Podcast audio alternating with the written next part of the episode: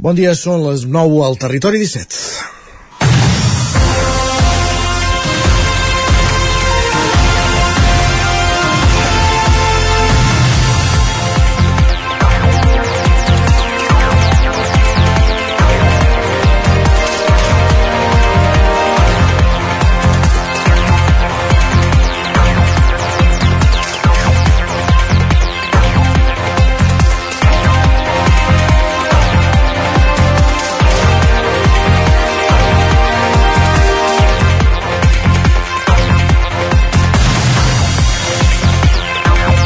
Benvinguts a una temporada de nova del Territori 17, el magazín de les comarques del Vallès Oriental, Osona, el Ripollès, el Moianès i el Lluçanès. Comencem un nou curs després d'un altre estiu sec, amb algunes setmanes d'onada de calor i en el que hem vist com es tornaven a aixugar les reserves dels pantans i aquífers, després d'unes primeres setmanes estivals esperançadores per apaivagar la sequera.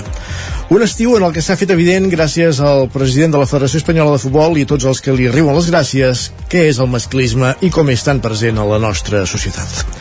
I comencem també després d'una setmana intensa que començava, valgui la redundància, el passat diumenge 3 de setembre quan ens llevàvem amb la notícia de la mort de la lingüista Carme Junyent, dona sàvia, activista, coneixedora d'immensitat de llengües minoritàries i que treballava incansablement perquè no es perdés la seva llengua, fent-nos adonar que els que van establir les bases ja en sabien una mica més que els que volem espatllar la suposada amb la suposada inclusivitat que no fas més que separar, com havia argumentat Junyent en més d'una ocasió. Marxava més amb un article pòstum explicant que no és fàcil ni tan sols morir-se en català. Una darrera setmana de mobilitzacions independentistes que no amnististes i amb dos fets traumàtics importants. Un terratrèmol que divendres sacsejava al nord del Marroc, avui donarem veu a alguns testimonis, i l'atropellament mortal d'un tren a Montmeló a un grup de joves que travessava la via per on no tocava. De tot plegat en parlarem l'endemà d'una manifestació a Barcelona que va reunir entre les 115.000 persones que va comptar la Guàrdia Urbana i les més de 700.000 de l'organització. Sigui la xifra que sigui, són moltes. No tantes com anys enrere, segur, però moltes i des de fa molts anys.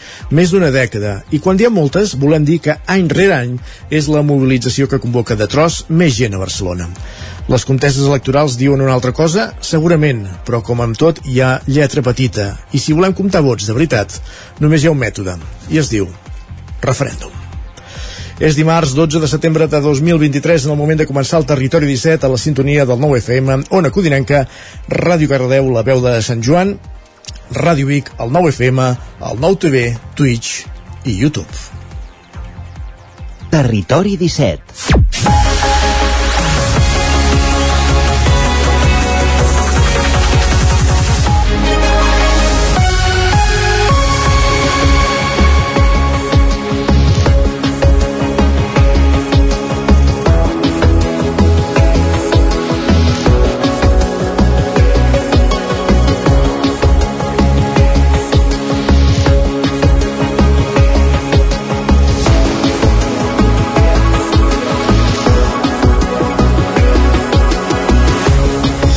Com deia, més moment de començar el Territori 17, a començar una nova temporada i ho fem com cada dia repassant el sumari, el més destacat que tindrem al llarg d'aquestes dues hores de ràdio en aquest matí de dimarts 12 de setembre de 2023. En aquesta primera hora ens dedicarem a aprofundir en l'actualitat de les nostres comarques i, de fet, fins i tot anirem fins a Marrakeix, al Marroc, per parlar amb dos usonencs, en Guillem Barceló i la Clara Sabadell, de Santa Eulàlia de Riu Primer, que van patir el terratrèmol divendres a la nit, mentre eren de ruta per la muntanya. Dormien en un refugi eh, a l'Atlas, amb en Guillem Barceló. En parlarem d'aquí uns minuts aquí al Territori 17 en el marc dins el bloc informatiu. També farem un cop d'ull al temps, amb el nostre mal temps, en Pep Acosta, i repassarem les portades dels diaris del dia. A partir de dos quarts de deu, com cada dia pugem al tren, a la Trenc d'Alba, un tren que continua sent notícia, amb l'Isaac Montades recollint les cròniques dels oferts usuaris de la línia, i a l'entrevista conversarem amb el realitzador audiovisual usonenc Dani Feixes, director de París 70, el curtmetratge sobre l'Alzheimer, que comença el seu camí cap als Premis Goya. Acte seguit, una de les novetats de la temporada, i és que aquesta temporada al Territori 17 ens agradarà sortir a l'exterior. Avui qui surt al carrer és en Roger Rams, des d'Ona Codinenca, per visitar un mural que van inaugurar ahir en motiu de la Diada de Sant Feliu de Codines, Roger Rams ens explicarà com és aquest mural i conversarà amb la regidora de Cultura, amb la Caral Vinyals. Notícies a les 10, la previsió del temps i a la secció d'Economia. Avui en Joan Carles Arredondo ens intentarà desmentir una mica el mite que els salaris han d'estar lligats a la productivitat. Les dades el desmenteixen, aquest mite. Per tant, hi aprofundirem, com dèiem, a l'espai econòmic a partir d'un quart d'onze del matí aquí al Territori 17. A partir de dos quarts ens endinsarem al món de Twitter, o com ara en diuen, X, i acte seguit el racó de pensar. Avui la Maria López aprofundirà amb un tema que ha estat molt candent aquest estiu. Masclisme al futbol. Aquest és el menú del territori 17 d'avui com dèiem, dimarts 12 de setembre de 2023, moment de posar-nos al dia amb les notícies més destacades de les nostres comarques, com dèiem, fer un, cop d'ull a l'actualitat ara quan passen gairebé 6 minuts de les 9 del matí. La manifestació de la Diada congrega 700.000 persones a Barcelona segons els organitzadors, 115.000 segons la Guàrdia Urbana. Les quatre columnes sortien de diversos punts de la ciutat i van confluir a la plaça Espanya, on, ha, on va haver-hi els parlaments Sergi Vives. L'acte va començar a l'hora simbòlica tradicional de les 17.14 des de quatre punts de Barcelona. Cadascuna de les columnes estava batejada amb un dels noms dels valors fonamentals que tindrà la República Catalana, llibertat, llengua, país i sobirania. Les quatre columnes van seguir els seus itineraris fins a arribar a la plaça Espanya, on hi va haver els parlaments de les entitats participants. Les territorials d'Osona, el Ripollès i el Vallès Oriental estaven convocades a la columna que sortia d'Hisenda, a la plaça Letamedi. D'Osona, d'enguany en van sortir 17 autocars, 19 del Vallès Oriental i 2 del Ripollès. Aquest any les quatre manifestacions han estat, han, uh, han estat encapçalades per les entitats de la societat civil i posteriorment s'hi han ajuntat, tot i que no al capdavant, representants dels partits polítics, inclòs Esquerra Republicana, que l'any passat se'n va desmarcar. Sota el lema Via Fora, la manifestació de la Diada va transcorrer pels carrers de Barcelona amb la voluntat, segons els organitzadors, d'exigir que es faci efectiva la independència de Catalunya al Parlament i per demostrar que la repressió de l'estat espanyol no aturarà el moviment. La presidenta de l'ANC, Dolors Feliu, ha pres la paraula des de l'escenari situat a la plaça Espanya per exigir que el govern i el Parlament facin efectiva la independència. Feliu ha reclamat que els polítics deixin pas si no s'hi veuen amb cort. Independència o res, independència o eleccions, ha demanat o alhora que tornava a llançar l'avís de la possibilitat que l'ANC organitzi una candidatura cívica per presentar-se a les eleccions. A Vic l'11S va començar a primera hora amb la trobada de centenars de motards independentistes a la plaça Major en el seu camí cap a Barcelona. Era la tretzena edició d'aquesta cita. A Cardedeu, com a tants altres municipis catalans, la diada començava a la vesprada prèvia amb els actes organitzats per l'Esquerra Independentista i la posterior marxa, marxa de torxes. Enguany ha estat una excepció i els carrers s'han omplert de famílies per donar el benvingut benvinguda a un nou 11 de setembre. Enric. Nelly de Cardedeu és ja un espai recurrent per actes com els que s'han viscut aquest passat diumenge a la tarda per començar a preparar la Diada de Catalunya. El tret de sortida ha estat a dos quarts de vuit del vespre, amb una ballada de la mà de Duo Codima i Aumedes, que ha donat pas al sopar vegà a càrrec de Catzarola. Tot seguit, Bernat Lavaquiol, regidor de la CUP a l'Ajuntament de la Seu d'Urgell, i la cardedeuenca Laura Gandia, militant d'Esquerra Independentista, s'han encarregat els parlaments de la nit. Gandia ens ha explicat els actes homenatge que fan a Barcelona pel jove independentista Gustau Muñoz, assassinat un 11 de setembre, i quins són els temes pels que creuen que actualment s'ha de mantenir la lluita independentista. Hi ha molts atacs al, poble, al nostre poble, no? a la llengua, a la cultura, hi ha molts atacs també a la classe treballadora, a l'explotació creixent, no? amb una extrema dreta aquí que amenaça, llavors podríem veure que és un panorama una mica no? desencisador, però en tot cas pensem que són també moments que, que es demostra com que continuem organitzades no? i mobilitzades, que la jornada ha finalitzat amb la marxa de torxes, que ha començat a les 10 de la nit i ha recorregut el centre de la vila acompanyada d'entitats del poble com ara Diables, Bastoners Gegants o la Batucarda. Ja al matí de l'11 de setembre ha tingut lloc l'acte institucional i la respectiva ofrena floral al memorial de, del Parc Pompeu Fabra. Per cadascun dels grups municipals hi han acabat, s'hi ha dipositat una ofrena en nom de l'Ajuntament.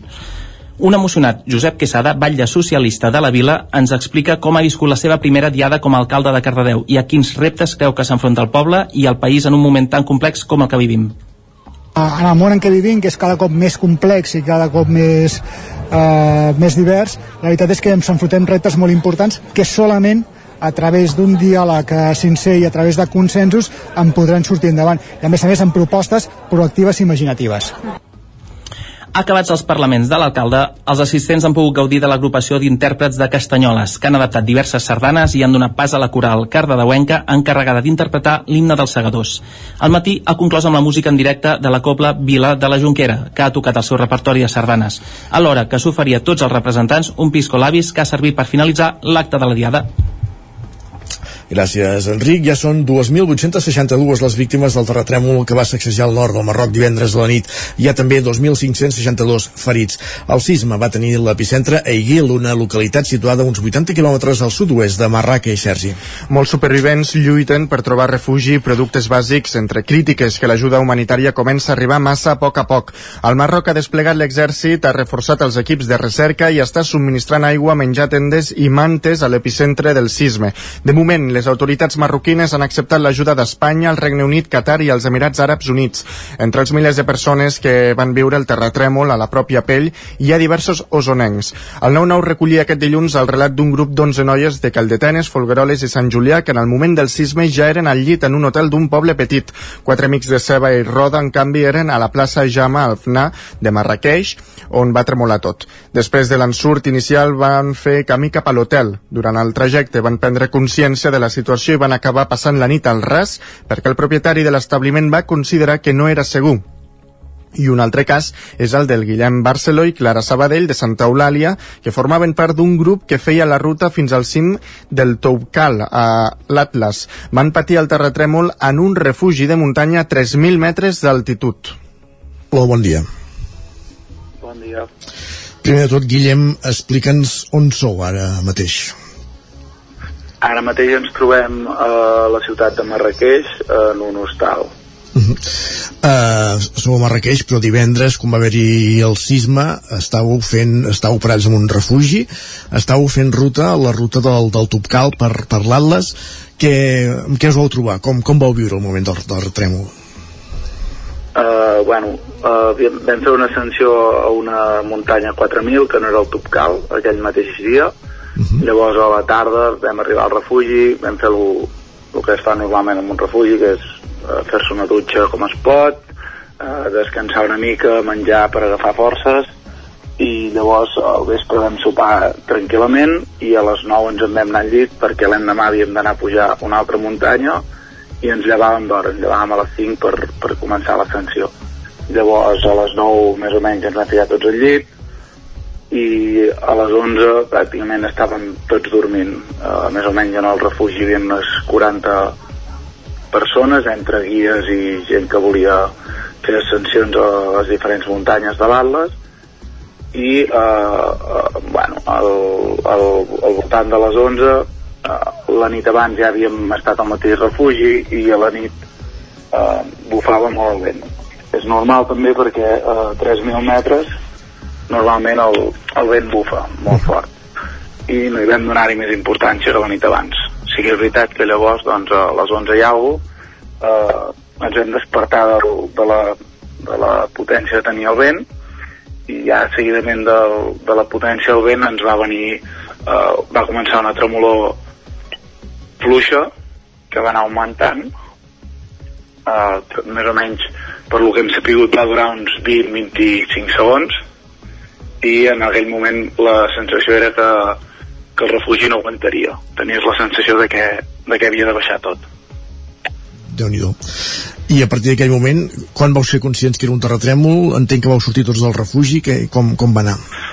En aquell moment el que va passar és que el refugi estava pràcticament enganxat a la muntanya també i a l'acabar la tremolor per casualitat o no, eh, va impactar una de les pedres que es va desprendre de la muntanya, va impactar contra el refugi més o menys podem parlar d'una pedra d'un tamany del morro d'un cotxe, més o menys, que va caure, primer va impactar contra el terra i el rebot va anar contra la paret del, del refugi i va fer, uh, bueno, va fer saltar el que seria tot l'enguixat i tocar les pedres que serien l'estructura de la, del refugi. O sigui, un cop va acabar el terratrèmol, el que ens va fer, ens va fer el, l'estop a nosaltres va ser un impacte, un xoc de, de la pedra aquesta. I després, el acte seguit, eh, bueno, clar, es va sentir algun crit mentre hi havia el terratrèmol, eh, la gent, què passa, no sé què, i, i vam treure el cap a baix i ens vam adonar que un dels guies que hi havia estava dormint en el refugi eh, li havia caigut un tros de, de lo que era la paret del guix de dintre i li havia provocat un tall aquí al, al front i estava en coral Uh -huh. I... El... Digues, digues, digues. I després, bueno, eh, vam intentar parlar una mica amb algun guia. Uh -huh. Nosaltres ens pensàvem que, eh, que ells estaven acostumats a això, perquè en, en el primer moment no veiem tampoc que ells s'esveressin molt, sinó més aviat estaven callats, tran saps, tranquils. Sí, sí però eh, per lo que ens van dir en el moment era perquè no sabien com reaccionar perquè no s'havien trobat mai amb, amb res semblant. I de fet suposo que amb el pas de les hores eh, vau començar a ser conscients de, de tot plegat i sobretot l'endemà quan, quan deixeu enrere el refugi i comenceu a baixar a la vall.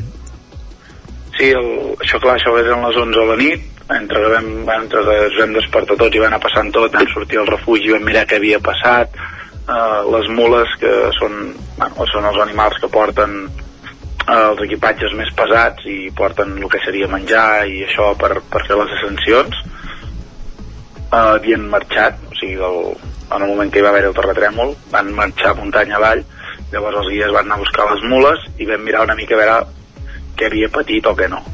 Vam veure que el, semblava que el refugi no havia patit, sí, bueno, tenia esquerdes, tenia parts de guix a terra, però l'estructura s'aguantava, si més no. Eh, vam decidir dormir tots a la planta baixa, eh, els que van poder dormir, eh, n'hi va haver gent que no va poder dormir, perquè bueno, el moment d'excitació de, llavors és molt alt i costa dormir.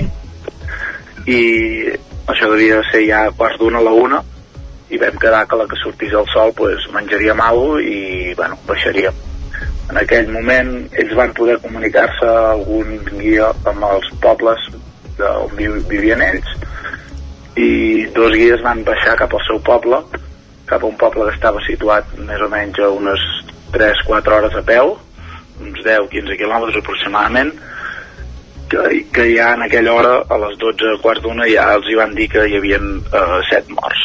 déu nhi uh, avui són més de 3.000, eh? segons el recompte oficial. Uh, entenem que vosaltres continueu al Marroc, com ens deies abans, sou a Marrakeix, el que sí que es va haver estroncada entenem és la ruta per l'Atlas que, que heu continuat fent aquests dies i quina és la, la situació ara mateix a, a Marrakeix i, i a l'entorn de l'epicentre d'aquest terratrèmol?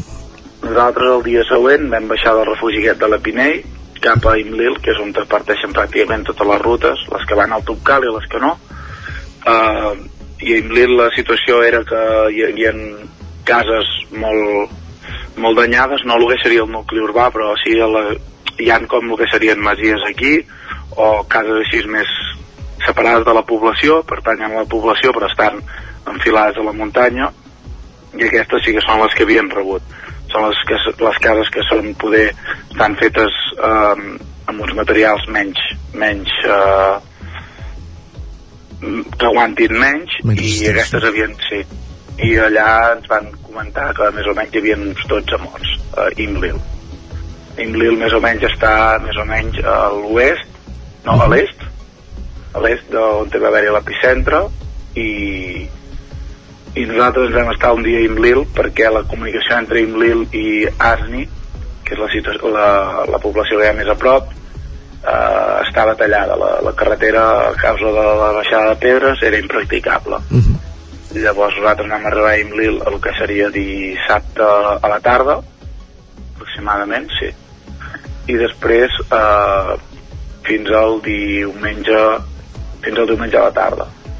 El tema va ser que no vam tenir comunicació amb les nostres famílies des del dia que havia passat. El dia que havia passat sí que els vam poder dir estem tranquils, no sé què, però quan arribem al poble d'Imlil podem comunicar-nos amb, amb vosaltres i, i parlem una mica del que ha passat i tot, estigueu tranquils.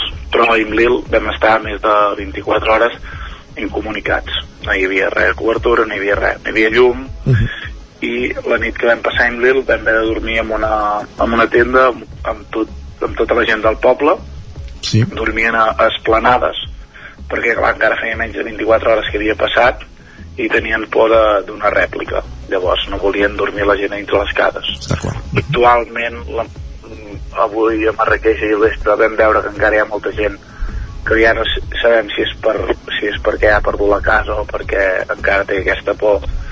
Dorm molta gent al carrer amb, amb grup uh, i, i bueno i, i la situació ara actual a Marrakeix seria el que és la zona centre eh, pràcticament sí que hi ha coses danyades però però el que és la vida normal eh, segueix Sí.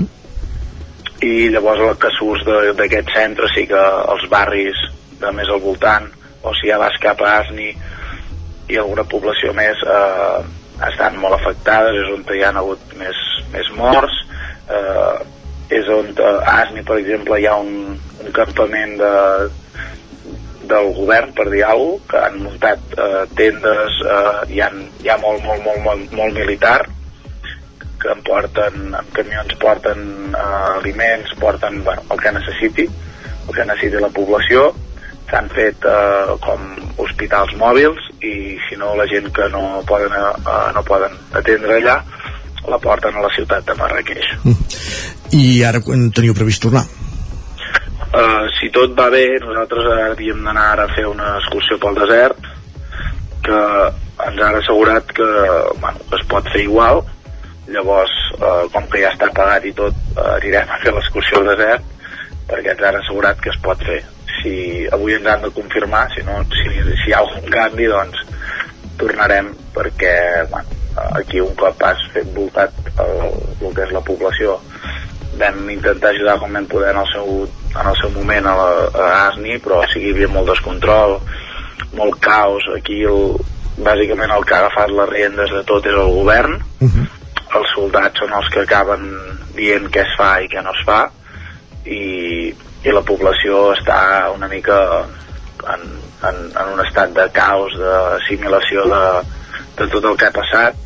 Molta gent eh, ha perdut família perquè eh, Marrakeix, per exemple, sí que és una ciutat molt grossa, però totes les altres ciutats eh, estan enllaçades, les famílies estan enllaçades unes amb les altres i a la que tibes a un fil et diuen el meu cosí o saps? Sí, sí. o la germana del meu, de la meva dona eh, tots han rebut poc o molt és el que dius tu, estem ahir, aquí parlaven de 2.500 morts, ara tu has dit 3.000 i veient la situació ja del país el, les construccions com són i tot el que hem anat veient tant ja visualment com, com per notícies de- d'aquí i de- d'Espanya de, eh, la xifra augmentarà molt perquè encara estan traient molta, molta, molta gent de sota, de sota la runa. Guillem Barceló, gràcies per atendre'ns des de Marrakeix, des del Marroc, aquest veí de Santa Eulàlia de, de Riu Primer, que juntament amb la, amb la seva parella, amb la Clara, són avui a Marrakeix, divendres en viure, com, de, com bé explicaves, el, el terratrèmol en un refugi de, de muntanya a l'Atlas. Gràcies per aquesta explicació i bona acabada d'estar aquí al Marroc i bona tornada també. Moltes gràcies. Que vagi bé, bon dia. Territori 17. Doncs recollíem aquest testimoni aquest matí des del Marroc, d'aquest veí de Santa Eulàlia de Riu Primer. Hi ha hagut més successos lamentables aquest cap de setmana. Les víctimes de l'atropellament del tren a Montmeló, al Vallès Oriental, són tres noies i un noi de 19 a 22 anys a Barcelona i Madrid. Segons ha detallat l'alcalde Pere eh, Rodríguez, havien arribat al poble en tren i anaven cap a un festival de música a tocar del circuit, Sergi.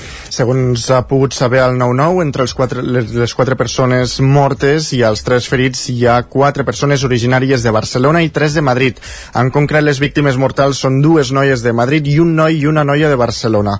Els joves formaven part d'un grup de set persones que travessaven la via de la línia R3 per un lloc prohibit per adreçar-se a un festival de música que es feia als voltants del circuit de Barcelona-Catalunya.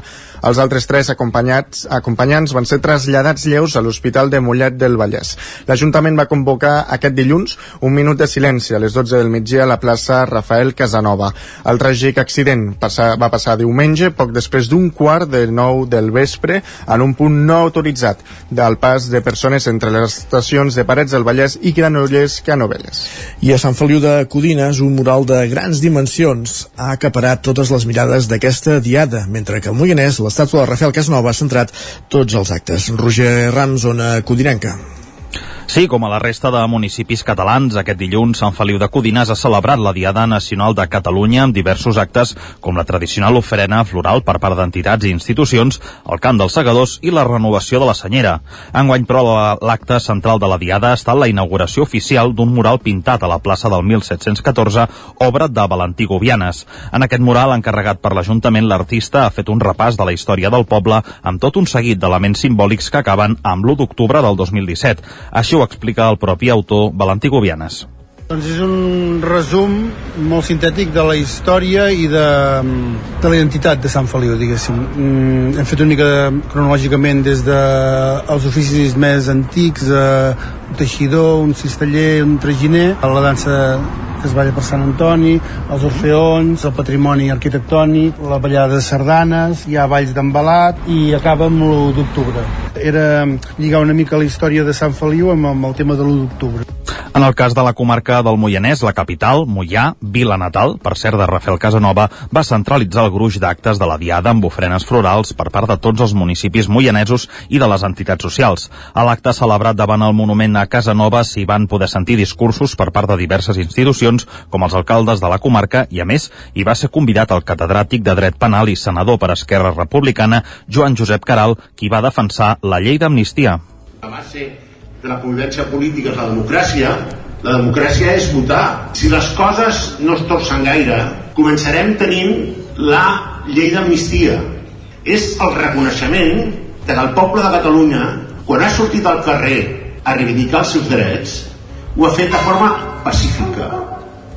I que només amb sentències injustes que han torçat el dret, han empresonat, han processat i han obligat a l'exili a molts dels nostres compatriotes.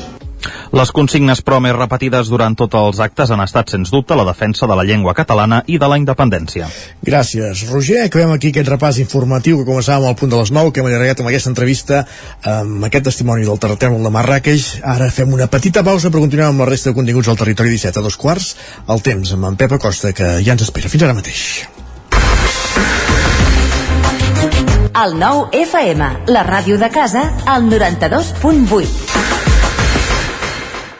Quan tingui un problema amb la seva caldera, vagi directament a la solució. Truqui sempre al servei tècnic oficial de Saunier Duval i despreocupis, perquè som fabricants i coneixem les nostres calderes peça a peça. I ara aconseguiu fins a 300 euros en canviar la caldera. Informeu-vos al 910 77 10 50 o a saunierduval.es. Amb Pradell estalvio energia i cuido la meva butxaca i el medi ambient. Posa't en mans a Pradell, són experts en calderes de gas i condensació, estufes de pèl·let, energia solar, terres radiants i geotèrmia. Pradell instal·la calderes de biomassa per a particulars i per a empreses. Si vols estalviar un 50% en consum, contacta amb Pradell i passa't a les energies renovables. Pradell som a l'Avinguda Països Catalans 27 de Vic. Telèfon 93 885 1197. Pradell.cat. Ser a prop vol dir veure les coses més bé. Apropa't al que t'interessa amb la xarxa Més. La teva plataforma audiovisual de qualitat, proximitat i gratuïta. Gaudeix dels continguts de més de 30 televisions locals i podcast quan, com i on tu vulguis. Entra a la xarxa més.cat i descarrega't l'app. Aquest estiu et mereixes un somriure ben refrescant. Per això, quan tothom se'n va, a les clíniques dentals d'instituts odontològics no tanquem i t'oferim un descompte del 20% en tots els tractaments. Demana cita ja a ioa.es o trucant al 900 131 002. Instituts odontològics, perquè quan estàs bé, somrius. Ens trobaràs a la Ronda Francesc Camprodon 11 de Vic. Cocodril Club. Si t'agrada la bona música dels anys 60, 70 i 80, escolta el 9 FM els matins de dissabtes i diumenges d'11 a 1. És el temps del Cocodril Club, tot un clàssic de la ràdio, amb les bases del pop-rock, les llegendes, les cançons que s'han convertit en autèntics himnes. Recorda, dissabtes i diumenges al matí, d'11 a 1, al 9 FM 92.8. Cocodril Club, el programa revival de l'Albert Malla. Hasta luego, cocodrilo. Palat i Pelut ens presenta Fem la Morsa.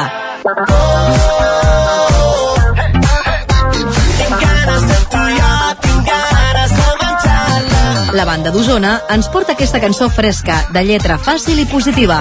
Parla del desig carnal que experimentem les persones, amb la peculiaritat que, durant tota la cançó, s'hi fa una clara referència al món de la gastronomia i de la cuina, utilitzant metàfores i paral·lelismes.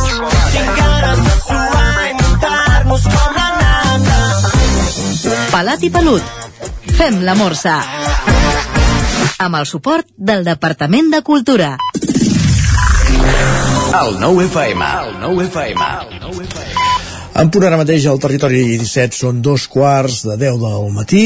Moment de, ara sí, de saludar el nostre home del temps, de recuperar el nostre home del temps, Pep Acosta, després d'un estiu sense previsions, que vam marxar de vacances allà a mitjans de juliol.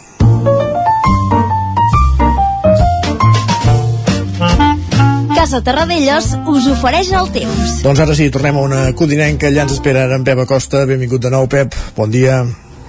Hola, molt bon dia Com a tots els oients. Hola, molt bon dia a tota la gent que fa possible el programa. Què tal? Com ha anat l'estiu?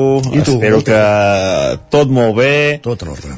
Eh, que hagi anat molt millor que el temps, eh? perquè estem sí, sí. En, en una fase molt negativa, climatològicament parlant a casa nostra, uh, un estiu càlid, uh, i jo potser no definiria tan càlid com l'anterior, on la calor va ser més persistent potser, eh, més dies amb temperatura superior als 35 graus, eh, més nits de mal dormir, però eh, aquest estiu han tingut eh, dos o tres pics de calor molt, molt importants i sobretot a mitjans d'agost aquella onada de calor de 4 o 5 dies que va ser autènticament eh, un infern. Jo diria que el més semblant un infern que hi ha en, en, a casa nostra va ser aquella setmana que va ser eh, realment molt, molt pesada de, de, de, de, de viure i va ser mm, històrica gairebé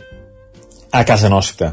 I un dèficit eh, d'aigua molt important, eh, menys tempestes, moltes menys que, que, que l'any passat, eh, portem dos anys amb una sequera extrema, sort, eh, sort, vam tenir la sort de que ens va salvar el maig o juny els boscos i, i les mm, com ho diria, i la vegetació més superficial ens va salvar les pluges de maig i juny.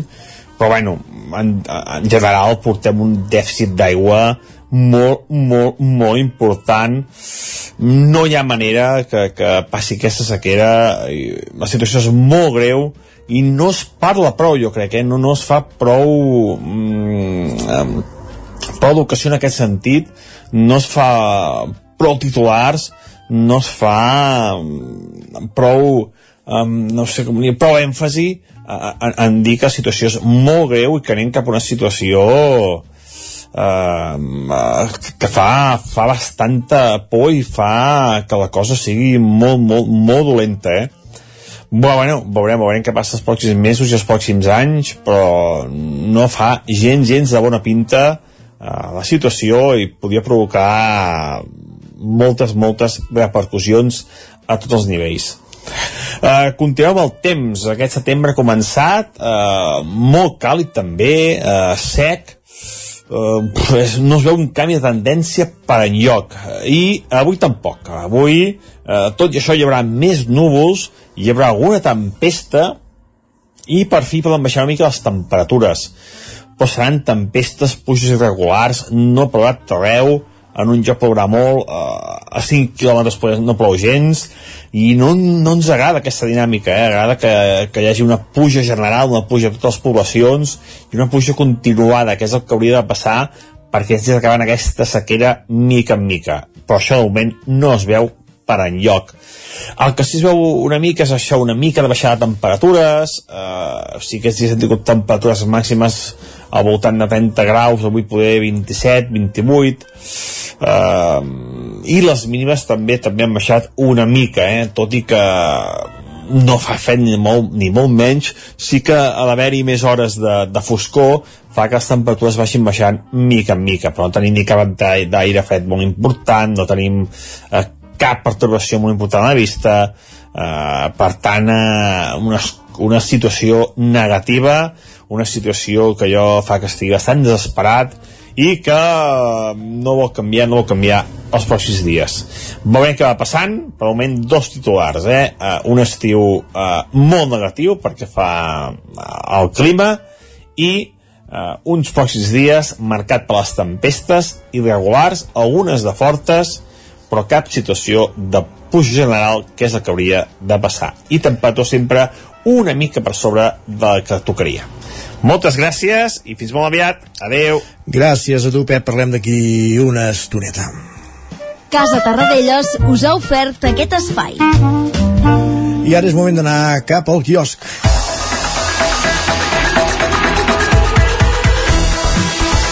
Sergi Vives, és moment de saber què diuen els diaris del dia, l'endemà d'aquesta diada de l'11 de setembre, eh, un moviment polític que parla d'amnistia i un moviment al carrer que parla d'independència. Així és, és el que recullen les portades tant a catalanes com, com a espanyoles.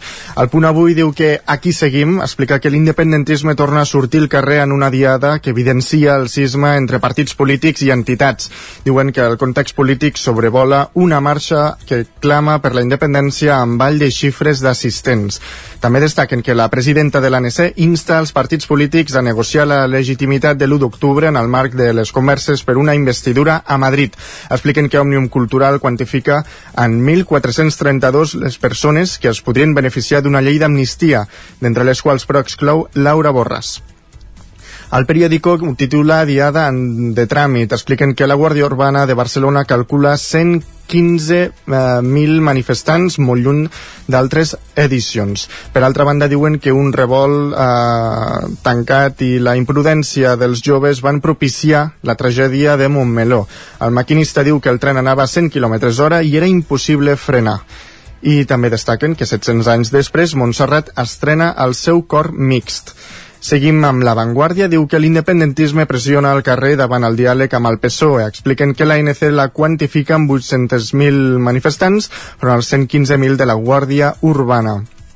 Per altra banda, destaquen que l'oblit governamental desploma l'esperança del rescat al Marroc. Expliquen que quatre dies després del sisme el Marroc només accepta l'ajuda d'Espanya, el Regne Unit, Qatar i els Emirats Àrabs, de ningú més. Diuen que desenes de pobles encara no han rebut suport. L'Ara titula la portada com a missatge als partits. Expliquen que l'ANC anuncia que es presentarà a les eleccions i Òmnium reclama Esquerra i Junts que negociïn plegats. Per altra banda, destaquen la dracera que va acabar en tragèdia. Diuen que les víctimes de l'accident de l'R3 van voler escurçar el camí i es van trobar a la via. I repassem ara la premsa espanyola. El país diu que la diada per força en plena negociació de la investidura. Expliquen que hi ha hagut un encreuament d'acusacions entre Esquerra i Junts que segueixen endavant amb els contactes. A més, diuen que Sumar assumeix la tesis del PSOE de que una amnistia necessita més temps. Per altra banda, expliquen la història de l'Ahmed, de 80 anys. Diu que el terratrèmol de Marroc el va pillar mentre collia pomes i és l'únic de la seva família que ha sobreviscut. Ha perdut la seva esposa, el seu fill, la seva nora i dos nets. La BC diu que Feijó obligarà el PSOE en municipis i comunitats a retratar-se sobre l'amnistia. Expliquen que el PP utilitzarà el seu poder territorial per plantejar mocions a favor de la igualtat de tots els espanyols i forçar els càrrecs socialistes a pronunciar-se. El Mundo diu que la Diada clama a Puigdemont per arrencar un referèndum. Expliquen que la manifestació separatista es desinfla i i s'entrega al pròfug per reviure gràcies a la seva negociació amb Sánchez.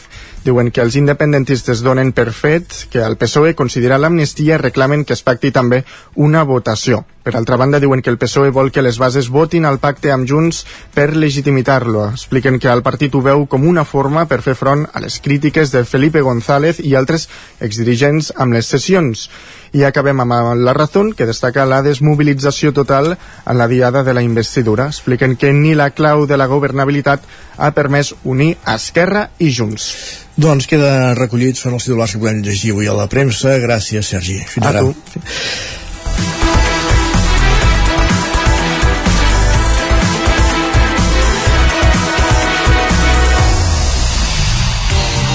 Territori 17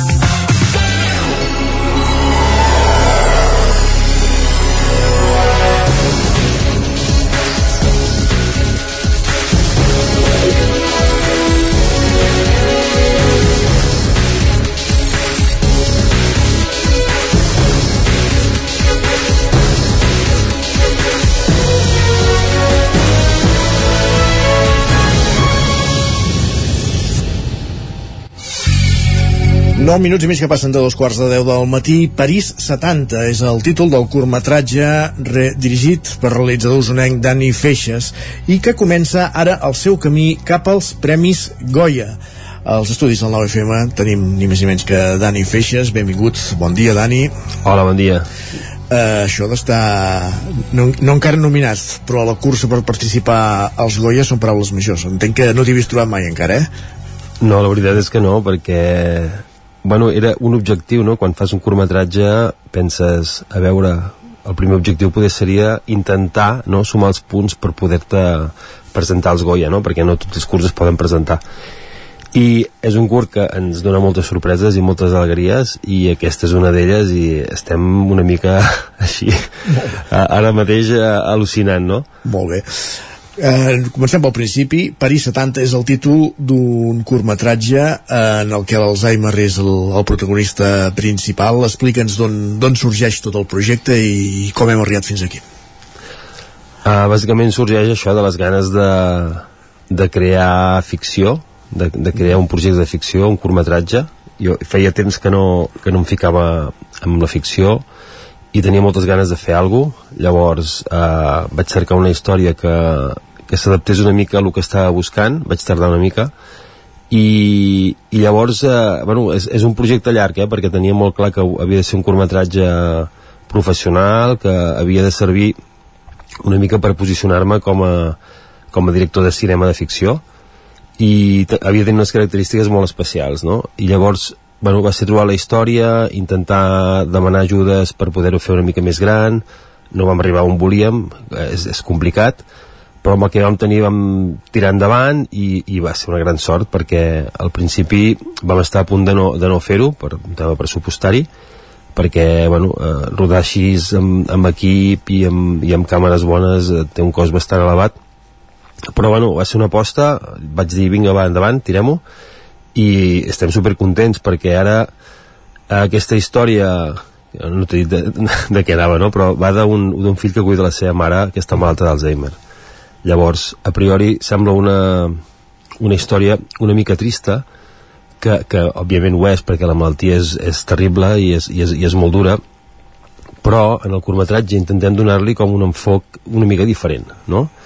Uh, és veritat que tota la gent d'Osona i de Vic que el vulgui veure el passarem el dia 20 el dia 20 de setembre a les 5 de la tarda a la residència del Nadal a l'auditori. Estarà obert per tothom. Això et volia demanar perquè aquest curtmetratge ha anat participant en diversos festivals acumula molts premis però no el podem veure. Aquest, el podem veure aquest dia aquí a Vic però està en alguna plataforma teniu, hi ha altres opcions per veure'l? Mira, ara, el, quan, quan et fan candidat als Goya, no, et demanen que, bueno, que comencis amb, amb la campanya de promoció. Llavors, clar, nosaltres, eh, per una banda, som molt petits, vull dir que és una productora molt petita, per altra banda, no tenim els contactes que poden tenir a Madrid. Eh, de fet, és un curtmetratge que s'ha fet 100% aquí a, a Catalunya, entre Osona i, i la Garriga, no? Bàsicament... Sí entre que, Osona i el Vallès, sí. Sí, entre Osona i el Vallès, Poble del Vallès és la Garriga sí, sí. on vam rodar bàsicament no? i s'ha fet en català. De fet és l'únic curtmetratge en català que, que està de candidat als Goya. Vull dir que hi ha, hi ha altres curts que són catalans però estan eh, rodats en castellà. Vull dir és l'únic que està rodat en català.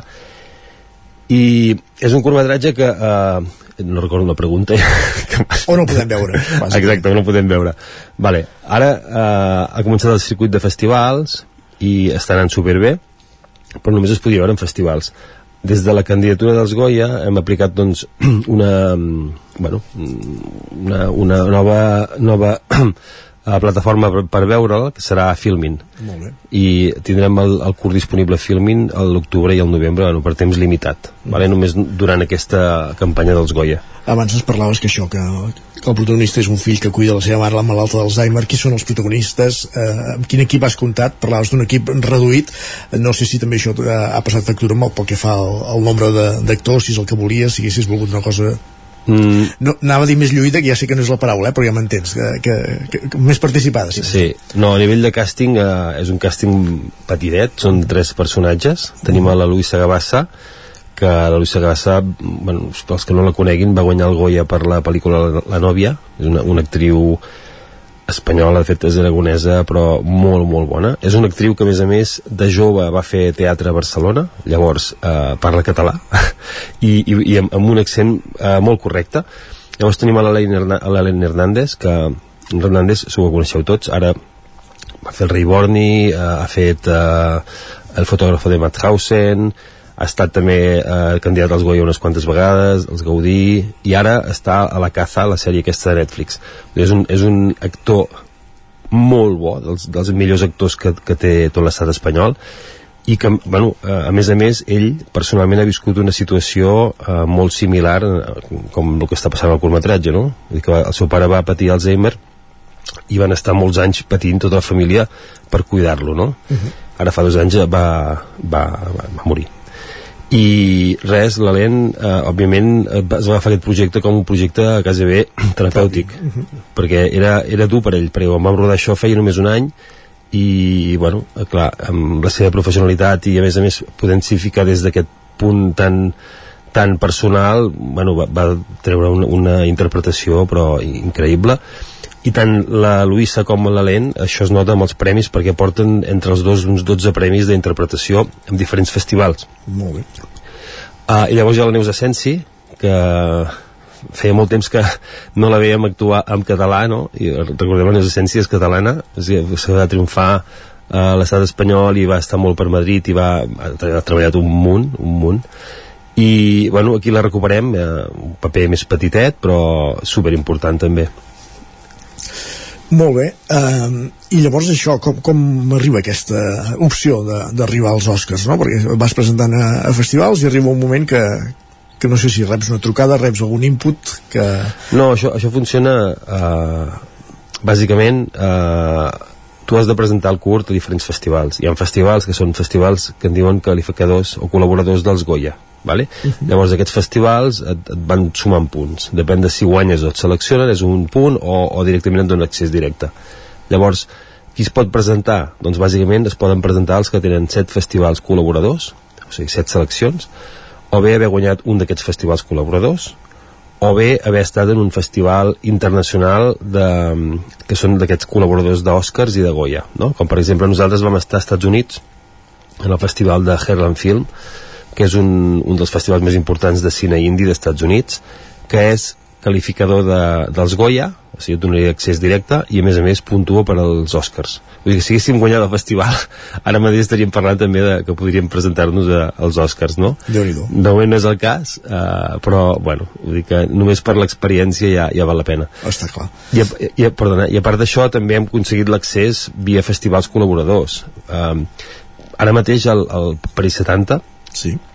que jo sàpiga no? i per lo que em comenta tota la gent de festivals és el festival més premiat de l'any o sigui, estem, ara mateix estem amb 44 premis és una, és una, és, és, és una bogeria uh -huh. perquè això no, no o sigui, quan tu el fas no, no, no pots ni arribar a pensar que, que pugui funcionar tan bé no? 44 premis en, en 5 mesos i a més a més amb unes 56 seleccions o sigui que és molt, o sigui, estem anant a, a quasi bé 1, algun premi per, per festival que anem, no? Això vol dir que ens han com multipremiat en molts festivals i és, és, és una passada. Amb tot això hem aconseguit ja 17 o 18 festivals col·laboradors dels Goya, o sigui, ja podíem entrar fantàsticament eh, i per dues vies a, a inscriure'ns als, als Goya, no? Uh -huh. Ara, a partir d'aquí, bueno, clar, hi ha, hi ha més curtmetratges i ara començar una campanya una mica, bueno, intensa. no sé, interessant. Sí, bueno, eh, intensa perquè són, seran tres mesos, aquest any van canviar les bases i és una mica més, hi ha més temps de campanya, que això no sé si és bo o dolent, hi ha distintes lectures, però el que està clar és que haurem d'estar tres mesos eh, intentant fer que París 70 doncs, eh, soni no? i els acadèmics espanyols puguin eh, valorar si els agrada o no si més no que se la mirin, que és el que ens agradaria uh, ràpidament per acabar la data que has dit que la podrem veure a Vic el dia 20 d'aquest uh, de, mes de setembre 20 de setembre, que és sí. el dia abans del dia mundial de, de l'Alzheimer uh -huh. a les 5 de la tarda sí. a la residència del Nadal I ja, per últim, com t'has sentit amb aquest registre? Perquè eh, abans ho deies, és el primer curs de ficció que fas, eh, estem acostumats a veure videoclips en Dani Feixes, estem acostumats, ens has acostumat en els darrers temps també documentals, amb el de, amb el de Liverpool català, o amb el de la Pilarín Vallès, i ara eh, aquest registre de, del curs de ficció. Mm. On et sents més còmode, si es pot dir que et sents més còmode en algun lloc o altre, o són etapes de, de la teva fase eh, professional, per entendre's? Sí, clar, jo em sento còmode amb, amb estar amb tot. Uh, és veritat que la ficció... Jo vaig començar a treballar amb audiovisuals per fer ficció. De fet, els primers curs que vaig fer van ser pel Julius i allà vaig començar a veure que volia viure d'això. Llavors la vida et porta no, a, a que has de treballar, has de viure i has de facturar alguna cosa per, per pagar el lloguer i, i acabes doncs, fent feines que potser no, no, bueno, és el que et dona, no? més publicitat i tal però ara eh, el voler recuperar la ficció és una mica per això, és perquè em sento còmode, perquè m'ho passo molt bé i perquè, bueno, mm, d'alguna manera és una aposta personal també, no? Vull dir, aquí hem, hem hagut d'invertir diners i, i molt de temps i espero que ara a partir d'aquest curs si funciona doncs puguem escriure el llargmetratge i es pugui fer la pel·lícula de, de, de, de París 70 i aquest seria una mica el nostre objectiu final ja veient tot el que està passant París 70, ara mateix un curt que comença la cursa per arribar a les nominacions de, dels Goya, ha anat participant en festivals col·laboradors d'aquests premis i ha aconseguit aquest passaport i és l'embrió, ara ens deien Dani, d'un possible llarg metratge. Veurem com evoluciona tot plegat, Dani. Moltíssimes gràcies per ser avui aquí amb nosaltres. No, gràcies a vosaltres. En aquest primer dia del curs del Territori 17 i, com deia, molta sort i fins aviat. Merci. I nosaltres que avancem ara mateix, falten 9 minuts perquè siguin les 10 del matí.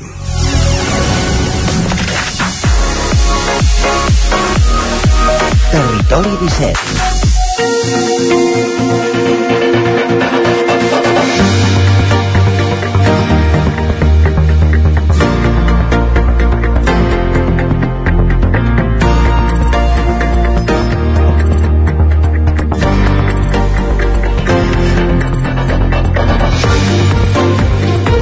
I el que fem tot seguit al territori 17 és sortir al carrer, anem a l'exterior avui amb en Roger Rams, que el tenim a Sant Feliu de Codines per, la, per explicar-nos un mural que es va estrenar ahir amb motiu de l'11 de setembre. Roger, benvingut, bon dia. Bon dia, què tal, com esteu? Bé, i tu?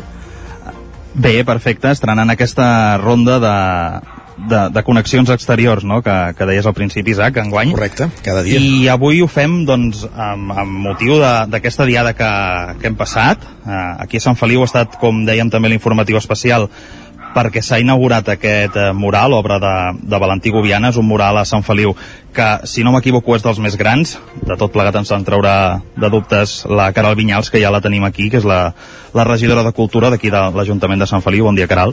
Bon dia a tothom. Què tal? Uh, primer de tot, abans d'endinsar-nos en el mural, com, com ha estat el teu, el teu primer 11 de setembre com a regidora de Cultura a Sant Feliu? Bé, doncs el meu primer 11 de setembre ha estat des de l'altra banda, no? des de la banda més institucional, més de preparatius, de logística, però la veritat és que l'he gaudit igual, eh, plena d'activitats que van fer les, les corals, el gospel, les mencions d'honor, els reconeixements que fem protocolàriament a Sant Feliu l'11 de setembre. Uh -huh. Pel que fa ja al mural, aquest mural que, que comentàvem, que s'ha inaugurat de manera oficial ahir, explica'ns una mica com sorgeix, primer de tot, la idea d'encarregar-lo, de, és a dir, quan, quan sorgeix aquesta idea de, de fer un mural a Sant Feliu? El mural sorgeix en el moment que entrem al juny i diem tenim a tocar l'11 de setembre. Uh, què implica això? Doncs que hauríem de dignificar la plaça eh, 1714, la plaça en la que es fan les ofrenes. Eh, era una plaça que, entre que passen molts cotxes i tot, es, estava molt descuidada i vam trobar que era el moment d'això mateix, de dignificar-la.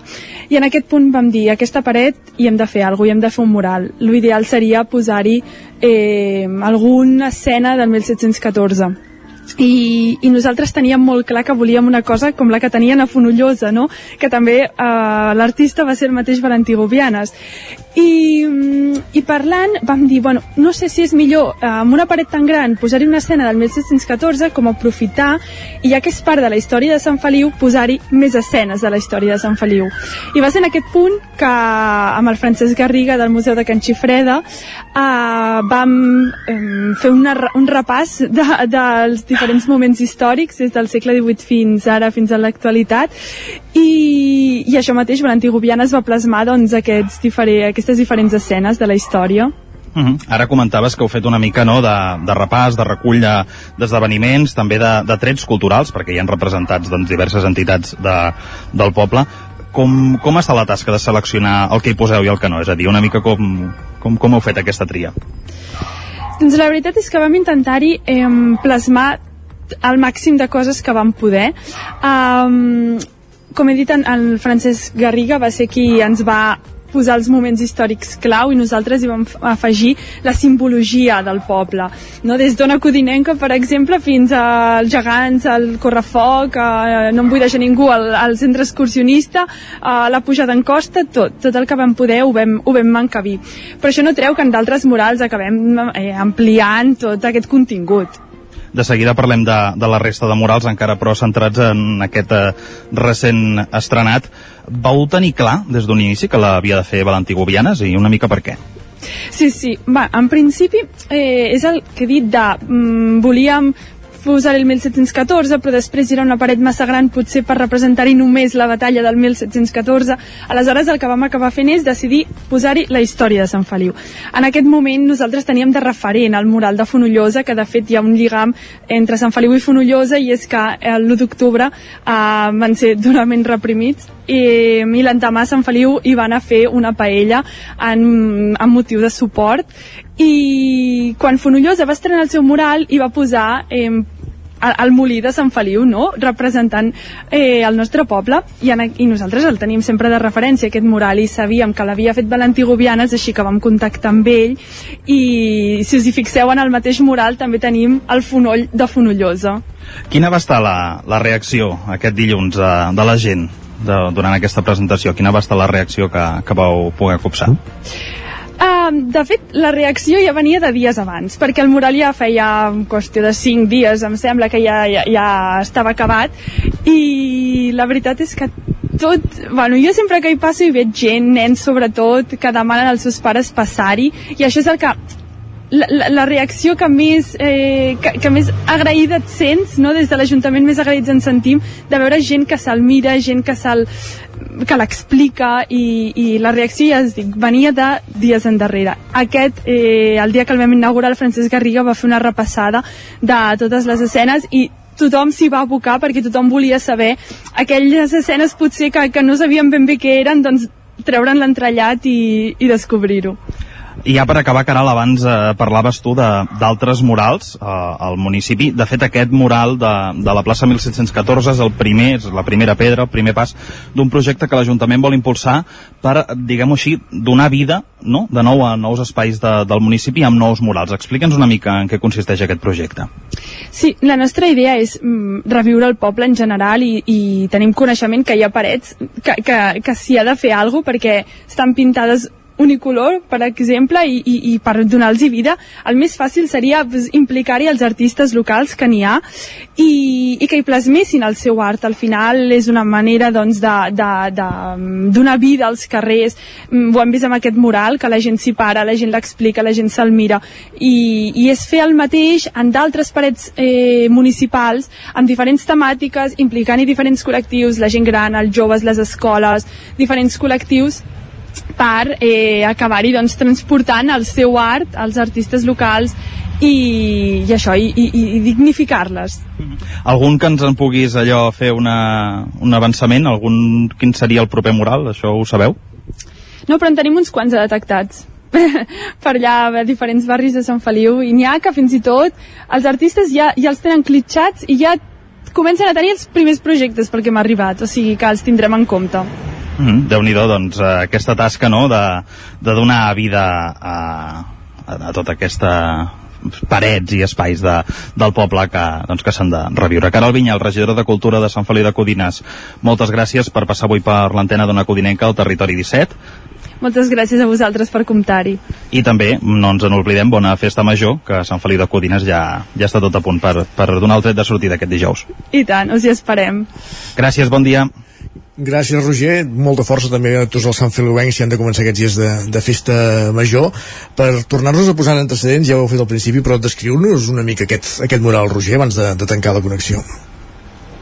Mira, si et sembla, li, li deixem una mica a la Caral, que ella, diguem que se l'ha estudiat amb més profunditat que jo, tot i que és un mural de gairebé 10 metres, perquè tinc entès, de, de llarg, per tant, hi cap, hi cap força cosa, des d'oficis antics fins a elements culturals, passant per, per l'1 d'octubre, eh, que és, diguem, el moment culminant no, d'aquest mural, Caral, si ens vols descriure una mica què és el que, què és el que hi ha.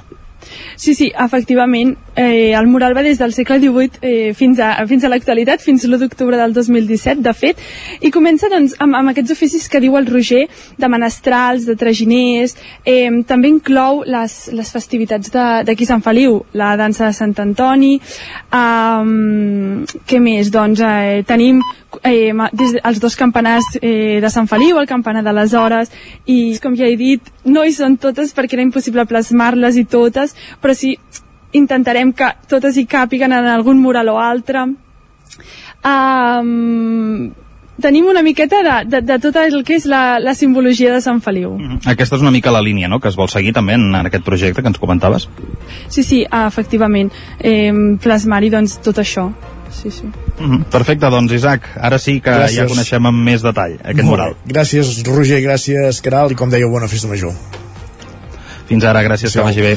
Moltes gràcies. I nosaltres que continuem al territori 17, ara que passa pràcticament un minut de les 10 del matí.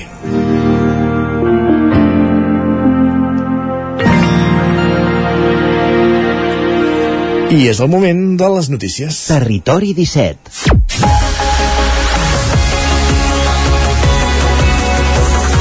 És el moment d'actualitzar-nos, de posar-nos al dia amb les notícies més destacades de les nostres comarques en una jornada marcada per l'endemà de l'11 de setembre. Hem descrit abans què va ser la mobilització a Barcelona, també en alguns pobles com Cardedeu o Sant Feliu de Codines i també el Moianès. Ara és moment de fixar-nos en un dels preàmbuls d'aquesta diada de l'11 de setembre.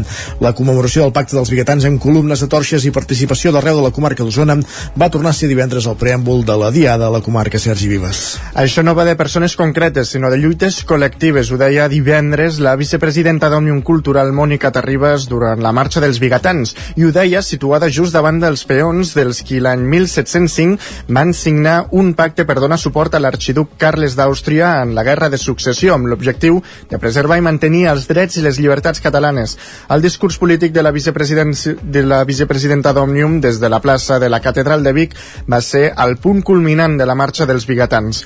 En més d'una vintena de poblacions de zona, però, la commemoració havia començat a mitja tarda amb la sortida de les columnes a peu fins a la capital d'Osona. A les 9 del vespre i al ritme de diversos grups de percussió, els caminants van entrar a la plaça Major des de les quatre cantonades. D'aquí es va dirigir fins a la plaça de la Catedral. En aquesta edició, la marxa va afegir a, a la reivindicació nacional la lluita feminista, tot recordant que d'aquest capítol de la història no hi ha ni heroïnes ni dolentes, no perquè no hi fossin, sinó perquè les dones la història sempre les ha amagat. L'acte va tenir un punt final artístic que va embadalir a tots els concentrats amb una peça de dansa aèria que va tenir com a moment culminant una figura sobrevolant l'emblemàtic punt de la capital d'Osona. Més qüestions. El Departament d'Acció Climàtica, Alimentació i Agenda Rural impulsa un procés per tal de promoure l'explotació de terres agràries en desús per part dels agricultors i ramaders. Tot plegat s'ha presentat aquest divendres a Mollà en un acte amb el conseller d'Acció Climàtica, David Mascort. Roger Rams, zona Codinenca. La Generalitat de Catalunya ha anunciat ara fa uns dies que aquest dimarts el Parlament aprovarà el registre de parcel·les agràries en desús. L'objectiu d'aquesta iniciativa és posar a disposició dels ramaders i agricultors les terres abandonades d'arreu del país per tal de poder-les explotar. El procés comença amb la identificació de les parcel·les en desús, seguit de la gestió amb els propietaris per tal d'identificar les raons per les quals tenen els terrenys sense explotar. Finalment s'establiran per part del govern les rendes mínimes i s'obrirà un concurs per posar en contacte els propietaris amb els interessats. En parla en aquest sentit el conseller del Departament d'Acció Climàtica, David Mascort, en la seva compareixença aquest divendres a Mollà.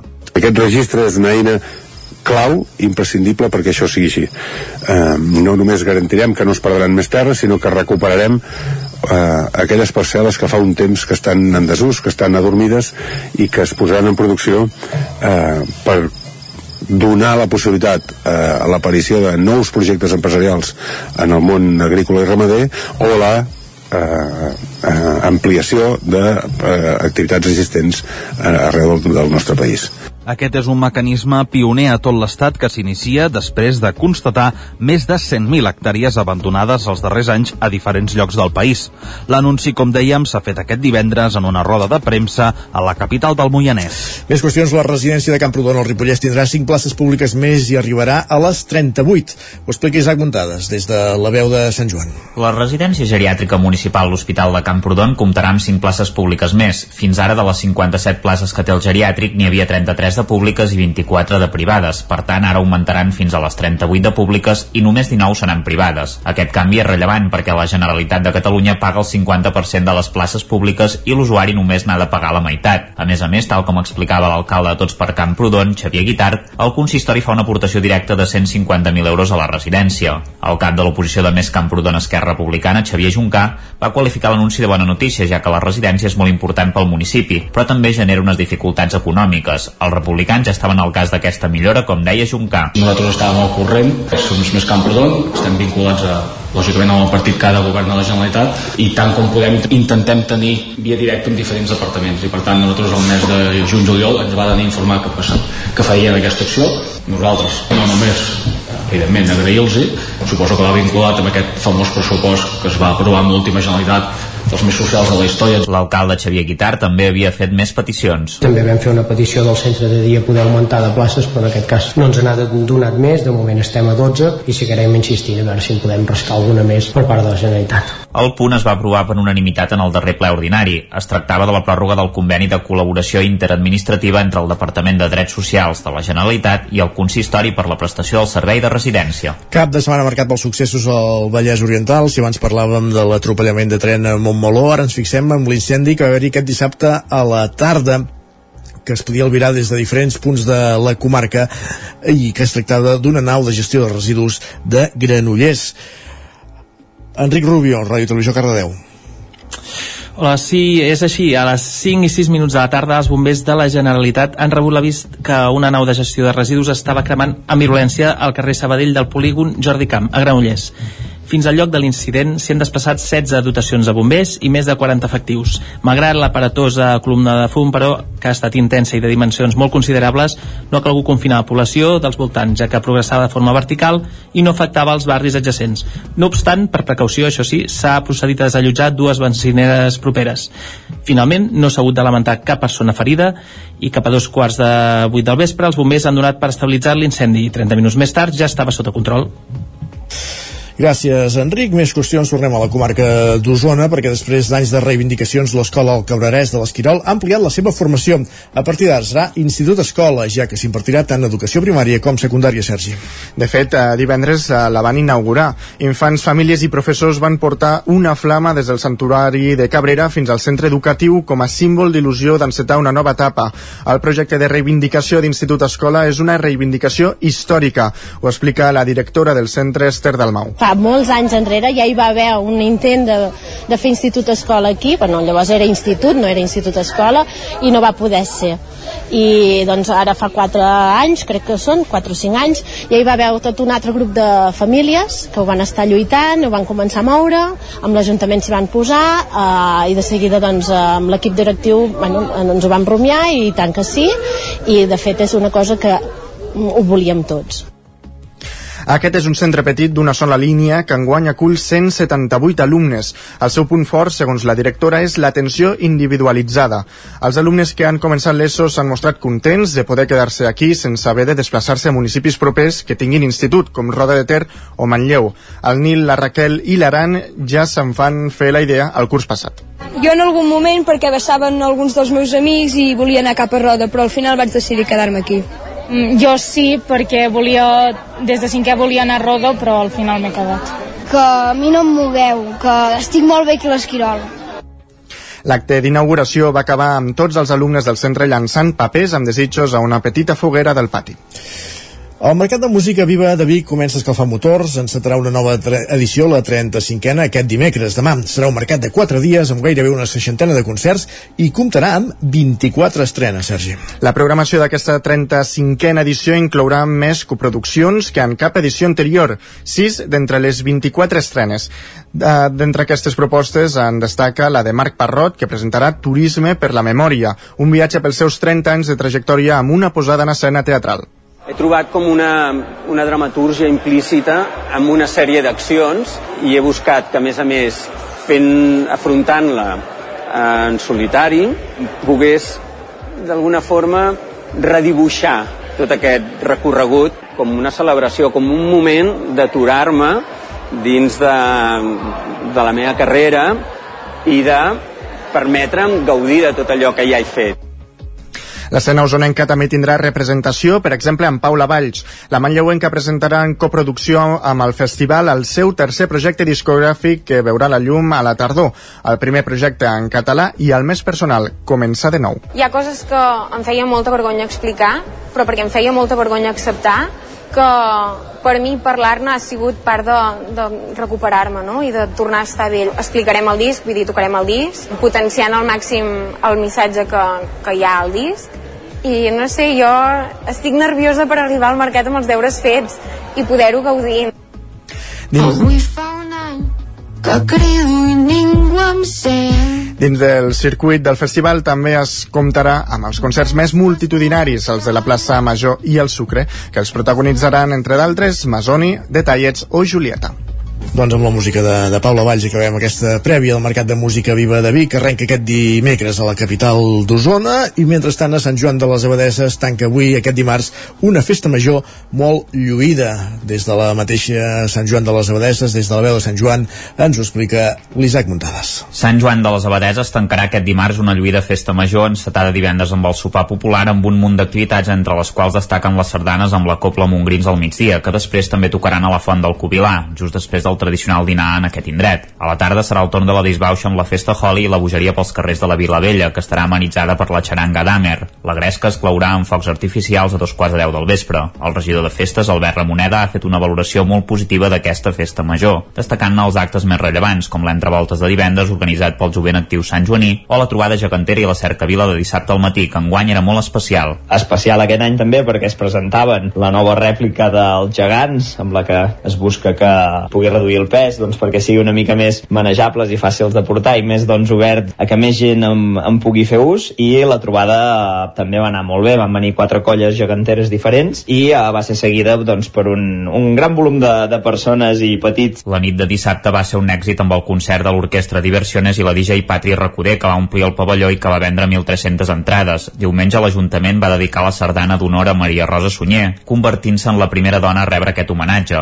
El Ball dels Pavordes va tornar a omplir la plaça Major a la tarda en un dia de sol radiant i després va ser el torn dels Firamúsics que enguany va ser un èxit. Després de dos anys de pluja el diumenge de, de festa major, que els dos anys que portava Firamúsics, aquest tercer ha aconseguit fer un Firamúsics amb sol i es va notar, no? Hi havia totes les places plenes, hi havia molta gent i es veia molt ambient i també considerem que va ser un encert poder moure el concert que hi havia planificat eh, al pavelló a baix a la plaça, perquè el que va passar és que la gent va, quan va acabar el, el Firamúsics amb Joan Garriga, que ja va deixar tot el públic amb moltes ganes de, de festa, només s'havien de moure un carrer i trobar el concert i els DJs que hi havien preparats per al diumenge a, a la plaça. Dilluns es va fer l'ofena floral del Comte Guifré coincidint amb la Diada Nacional de Catalunya, els concerts i les sardanes amb els mongrins o el Ball dels Pavordes, a més del Ball del Pijama i l'Orquestra Monte Carlo.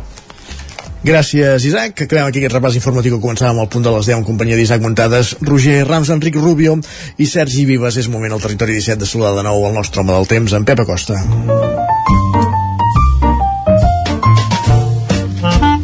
Casa Terradellos us ofereix el temps. Després d'un estiu eixut, volem saber si la dinàmica canviarà un moment o altre. Pep, benvinguts de nou, bon dia. Hola, molt bon dia.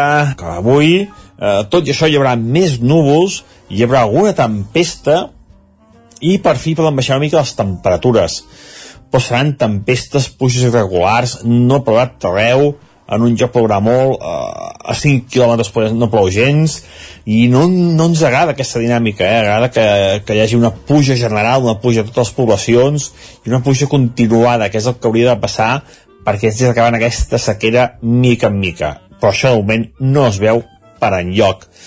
El que sí es veu una mica és això, una mica de baixada de temperatures, eh, sí que sí hem tingut temperatures màximes al voltant de 30 graus, avui poder 27, 28, eh, i les mínimes també també han baixat una mica, eh, tot i que no fa fred ni molt, ni molt menys, sí que a l'haver-hi més hores de, de foscor fa que les temperatures baixin baixant mica en mica, però no tenim ni cap d'aire fred molt important, no tenim eh, cap pertorbació molt important a la vista, eh, per tant, eh, una, una situació negativa, una situació que jo fa que estigui bastant desesperat i que eh, no vol canviar, no vol canviar els pròxims dies.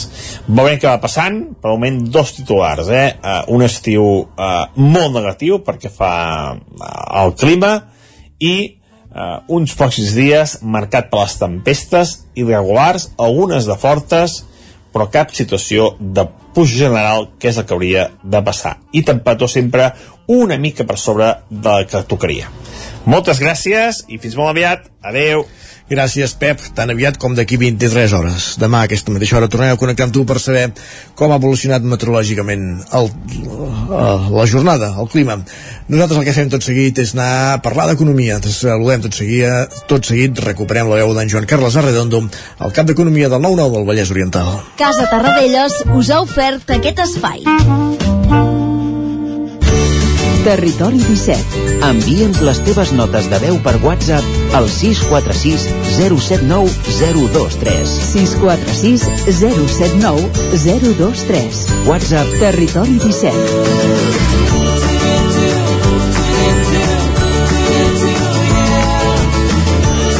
Territori 17. Som a Facebook, Twitter i Instagram amb l'usuari Territori 17.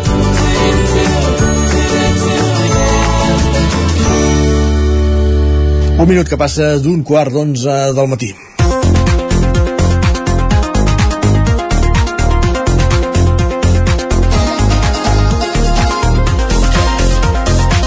Moment de parlar d'economia com fem cada dimarts al Territori 17 a aquesta hora. Avui per desmentir un mite que els salaris han d'estar lligats a la productivitat i ho podem desmentir amb dades. Joan Carles Arredondo, benvingut, bon dia. Bon dia, veig, veig que hi ha sintonia nova, això ja tot, tot, tot pinta nou. Ja... La, la teva i tota la resta, de fet. Estem eh? temporada. Sí, sí, molt bé, bé, bé, bé perquè això d'innovar és una de les coses de les quals parlarem ara i la, la innovació és un, és un factor molt important per tots, en, en tots els àmbits. No? T'agrada la sintonia, per cert, o no? Ah, això també ho hem de tenir en compte. Està perfecte, jo tot el que decideixi el director d'aquest programa està ben decidit. Eh? Doncs, eh, li farem arribar. Endavant, endavant. Uh, apuntaves això, eh? al principi hi ha una de, les, uh, una de les explicacions més freqüents sobre la limitació dels salaris a Catalunya i a l'Estat, després explicarem el, el, el diguem-ne la magnitud de la tragèdia eh, d'aquesta limitació dels salaris doncs eh, això, una de les explicacions de que siguin limitats és que les taxes de productivitat eh, són més baixes que els països de l'entorn eh, aquesta és una afirmació agosarada perquè les formes de mesurar la, la productivitat són diverses i donen peu, per tant, a resultats igualment diversos. Eh? Hi ha moltes maneres de, de comptar la, la productivitat. Nosaltres ens centrarem en una, ara explicarem quin és, el, quin, quin és la metodologia, diguem-ne, en aquest sentit, uh, però diguem-ne que n'hi ha d'altres que podrien donar resultats diferents. Uh -huh. uh, però donarem per bona la mesura de dividir el PIB eh, que, que genera per cada persona que està treballant i diguem-ne que optem per aquesta fórmula perquè és idònia per establir comparacions amb altres països, no? perquè diguem-ne el, el PIB d'un país el divideixes per les persones que estan treballant en aquell país i més o menys eh, diguem-ne que parteixes d'una metodologia semblant no? i aquí si es fa aquesta, si es fa eh, aquesta manera de mesurar es pot arribar a la conclusió que efectivament la productivitat de l'Estat està 7 punts percentuals per sota de la Unió Europea. Si li donem un valor 100 a la Unió Europea Espanya està 93 eh? per tant mm, aquests 7 punts que diem que està per sota. Ha passat durant força anys que, que eh, ha guanyat predicament la necessitat de vincular els salaris a la productivitat però en aquest cas es produeix una desviació mentre si insistim a donar valor 100 a la, a la mitjana de la Unió Uh, la productivitat queda 7 punts per sota, per tant, Espanya tindria un 93 sobre 100, uh, la bretxa dels salaris és força superior, eh? Uh, serien 17 punts, valor 100 Unió Europea, estat espanyol 83. Eh, això són dades de, de l'Eurostat corresponents a 2022, eh? bastant recents, per tant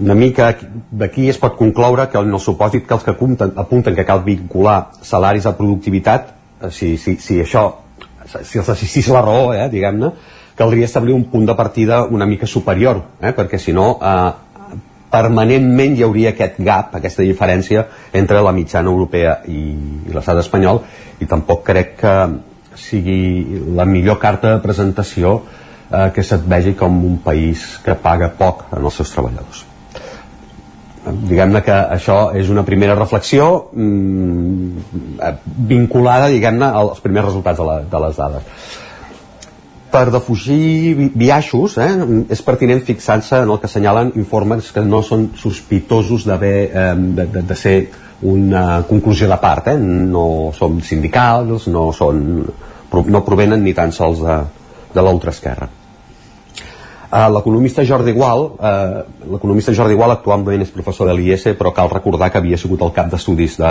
de la Caixa i durant algun temps va ser president de la Caixa, eh? uh, abans de, de la fusió amb, anava a dir Caja Madrid, perdó, abans de la fusió amb Bànquia, uh, diguem-ne que el president de la, de la Caixa era aquest estudiós, uh -huh. eh, per tant, diguem-ne, no prové del món sindical, precisament. Doncs això, eh, insistia en un article recent a La Vanguardia en, en aquesta qüestió. Ell indicava que el salari mitjà de l'Estat ha crescut un 17% en els últims 15 anys.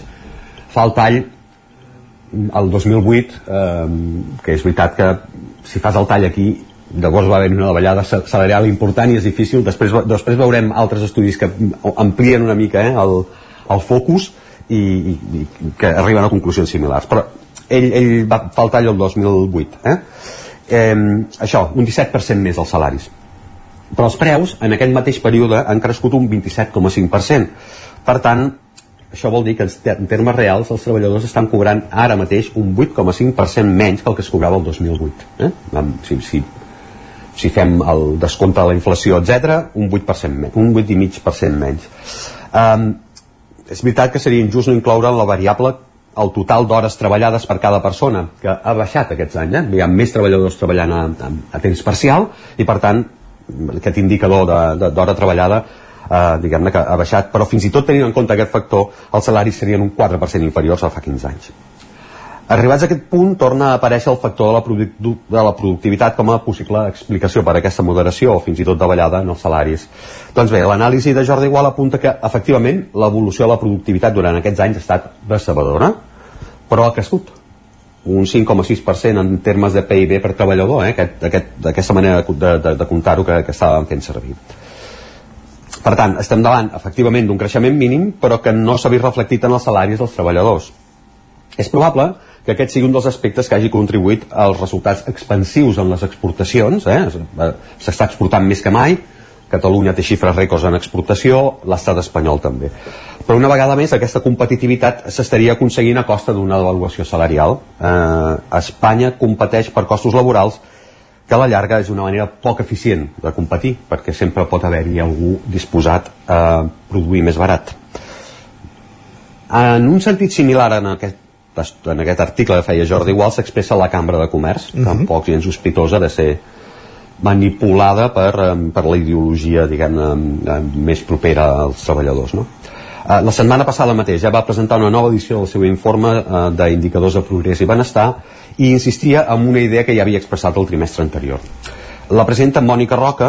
Eh, per cert, la Cambra de Comerç hi ha eleccions aquest divendres. Mm, fins dimarts, sí. És, és una cosa que apunto per donar un apunt, un apunt d'actualitat eh? Uh, l'encara presidenta, per tant, la, i, i persona que opta a ser, a ser escollida de nou com a membre del ple, uh, no dubta expressar que els salaris a Catalunya són baixos. I insisteix en que no són els que es correspondrien. Uh, Uh, la comparativa que fa, que, que, que, feia, que fa la cambra és més extensa que la de Jordi Igual, eh, el que dèiem, perquè s'estableix uh, la diferència de salaris respecte al 2000 però la conclusió, com dèiem, és similar. Um, des de l'any 2000 els salaris estan estancats i en canvi la productivitat ha crescut un 12%. Uh, durant els primers anys d'aquest segle, la construcció fent bombar l'economia, els salaris van créixer en termes reals, uh, és a dir, que creixien per damunt de la inflació. En canvi, l'esclat de la bombolla va capgirar aquesta tendència, els salaris eh, van deixar d'incrementar-se per damunt de, de l'IPC i, per tant, els treballadors perdien poder adquisitiu. Uh, la, mm, aquesta situació és habitual. Uh, diguem-ne que el que aconseguia això era incrementar la productivitat, hi havia menys gent treballant i produint sí que una mica menys, però, però, però diguem-ne que uh, la productivitat creixia. I aquesta és una situació habitual. Eh, quan el cicle econòmic baixa, la productivitat creix eh, i la cambra apunta que és preferible que aquesta tendència es reverteixi perquè va indicar que la productivitat, mm, perquè creixi la productivitat cal que es destrueixi ocupació i per tant caldria buscar altres vies, ja sigui la innovació, la tecnologia, la revisió, una revisió sobre l'organització de la feina, en fi, factors interns a les empreses i també factors externs, eh, com un sector educatiu que formi millors professionals. Mm, això, diguem-ne, que és una qüestió que compet a tothom. Els informes assenyalen que els salaris i en conseqüència els treballadors que els cobren són els damnificats per l'escàs creixement de la productivitat, no són els beneficis empresarials, no són altres factors que també podrien patir eh, aquesta, aquesta baixa de productivitat. Però en part és la mateixa limitació dels salaris la que frena que es produeixin la resta de factors que contribuirien a incrementar la productivitat. Amb salaris més elevats, per exemple, es disposaria de més capacitat per atraure perfils professionals més formats que contribuirien a introduir més innovació, més tecnologia, millor organització de la feina, tots aquells factors que dèiem que, que eren importants per, per incrementar la productivitat. Uh -huh. En canvi, amb aquestes polítiques eh, salarials poc expansives, els professionals estan sotmesos sovint a la necessitat, i sobretot els més formats, a la necessitat de buscar nous horitzons fins i tot fora de les fronteres per desenvolupar la seva carrera i a Espanya es perpetua aquest model de sectors de poc valor afegit. Poc valor afegit comporta també menor capacitat per generar recursos que millorin el benestar, allò que dèiem de eh, formar millors professionals, etc. Uh -huh. Per tant, aquesta política de restringir salaris no sembla ni el millor camí ni l'únic eh, per, per guanyar competitivitat de manera que estaria bé que es comencessin a sondejar altres possibilitats més enllà de pujar sempre eh, per la banda salarial no? correcte. Doncs queda apuntat, queda desmentit aquest mite. Gràcies Joan Carles una setmana més. I com bé apuntaves eh, aquest divendres comença un nou període electoral a, a la cambra de, de, de fet hi ha les eleccions camerals a totes les cambres però el que ens toca aquí majoritàriament és la cambra de Barcelona la cambra de Barcelona efectivament eh? de, de divendres a, dim, a dim, dimecres, no? El dia, el dia 20 és l'últim dia de votacions que es pot votar, votar presencialment. presencialment a les seus, en el vostre cas a Osona al Sucre, al Vallès Oriental a, a Camp Muntanyola a, a Granollers. Fins la setmana que ve, gràcies. Gràcies. A vosaltres. El nou FM, la ràdio de casa, al 92.8 quan tingui un problema amb la seva caldera, vagi directament a la solució. Truqui sempre al servei tècnic oficial de Saunier Duval i despreocupis, perquè som fabricants i coneixem les nostres calderes peça a peça. I ara aconseguiu fins a 300 euros en canviar la caldera. Informeu-vos al 910 77 10 50 o a saunierduval.es. Amb Pradell estalvio energia i cuido la meva butxaca i el medi ambient. Posa't en mans a Pradell, són experts en calderes de gas i condensació, estufes de pèl·let, energia solar, terres radiants i geotèrmia. Pradell instal·la calderes de biomassa per a particulars i per a empreses. Si vols estalviar un 50% en consum, contacta amb Pradell i passa't a les energies renovables. Pradell som a l'Avinguda Països Catalans 27 de Vic. Telèfon 93 885 1197. Pradell.cat. Aquest estiu et mereixes un somriure ben refrescant. Per això, quan tothom se'n va, a les clíniques dentals d'instituts odontològics no tanquem i t'oferim un descompte del 20% en tots els tractaments. Demana cita ja a ioa.es o trucant al 900 131 002. Instituts odontològics, perquè quan estàs bé, somrius. Ens trobaràs a la Ronda Francesc Camprodon 11 de Vic. Ser a prop vol dir veure les coses més bé. Apropa't al que t'interessa amb la xarxa Més. La teva plataforma audiovisual de qualitat, proximitat i gratuïta. Gaudeix dels continguts de més de 30 televisions locals i podcast quan, com i on tu vulguis. Entra a la xarxa més.cat i descarrega't l'app. Cocodril Club. Si t'agrada la bona música dels anys 60, 70 i 80, escolta el 9 FM als matins de dissabtes i diumenges d'11 a 1. És el temps del Cocodril Club, tot un clàssic de la ràdio, amb les bases del pop-rock, les llegendes, les cançons que s'han convertit en autèntics himnes. Recorda, dissabtes i diumenges al matí, d'11 a 1, al 9 FM 92.8. Cocodril Club, el programa revival de l'Albert Malla. Hasta luego, cocodrilo. Mana, me vas a costar un momento a hacer riquití. Mama Duixa ens presenta Ritiki. Mama Duixa és el pseudònim de Bruno Fabrizi. El barceloní Mama Duixa veu de la música urbana, però també veu de la cançó d'autor. La fusió dels dos gèneres donen fruit a unes cançons originals, tendres i amb molt de ritme. Mana, me vas a costar un momento a hacer riquití.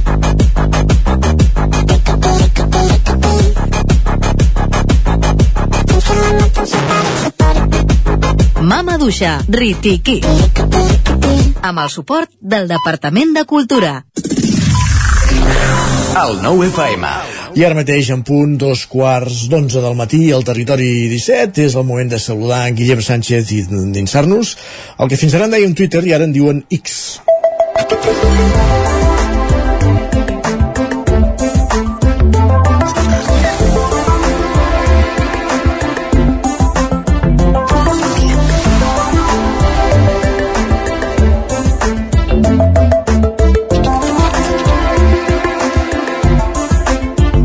Sánchez, benvingut de nou al Territori 17. Bon dia. Com estem? Bé, i tu? Desperts, Sí? desperts i amb ganes de començar la secció m'agrada. i amb Sí, sí, ganes sí. de recordar també, Isaac, que la gent ens segueix dient Twitter, eh? Oh, bon, és que clar, com em vols dir? Ahir vaig fer una prova, perquè clar, eh, han canviat el nom a tot arreu. eh, Correcte. Però el domini continua sent Twitter. Per tant... Tot i que, això comprovat d'ahir, si poses x.com també hi vas. Ostres, aquesta no la sabia. Ah, noi. Doncs mira, ens seguirem dient Twitter fins que vingui Elon Musk i ens digui el contrari. Què et sembla? als estudis del territori. La sintonia també l'han canviat, eh? Sí, em sembla, em sembla encertada. I de fet s'han d'anar fent canvis també, eh? Molt bé. Mica en mica. Va, doncs estrenem secció, Isaac, i ho fem amb una reflexió que hem de tenir present els pròxims mesos. De fet, amb això que estàvem parlant ara, ens escriuen Twitter, o en aquest cas X, és aquell lloc meravellós on tothom sap més de tu que tu mateix. Diu, és fantàstic. De tu i de tot. Sí, sí, està Per tant, no us estranyeu si durant la secció des d'avui fins a final de temporada sentiu i llegiu coses una mica estranyes. Avui som dia 12 de setembre, per tant, un dia després del dia 11, la diada, que em sembla que tu... Vas anar a classe de mates, tu ja ho veig. Sí, sí, sí. Aquesta la vaig aprovar. Oi que corries per Barcelona, Isaac, em Sí, sembla? com ahir? ho saps tu, això? Bé, Saps les xarxes. coses de jo que jo, ja ho veig. Sí, sí. les xarxes que fan mal. La Clàudia, en aquest sentit, no sé si va acabar posant-hi els peus perquè avui ens escriu gros pensar que fa relativament poc la Diada feia il·lusió i ara ja no. Bé, suposo que com tothom hi pot haver gent que sí que encara li fa il·lusió a Barcelona i gent aquí, aquí no, per tant totalment respectable. De fet, en Víctor també ens comenta, diu, s'ha descobert que la por a ser xiulat en la Diada provoca Covid i demana quedar-se a casa. Diu, hi ha, un Aquesta partit, bona, eh? hi ha un partit que està patint una passa. Aquesta és bona, eh?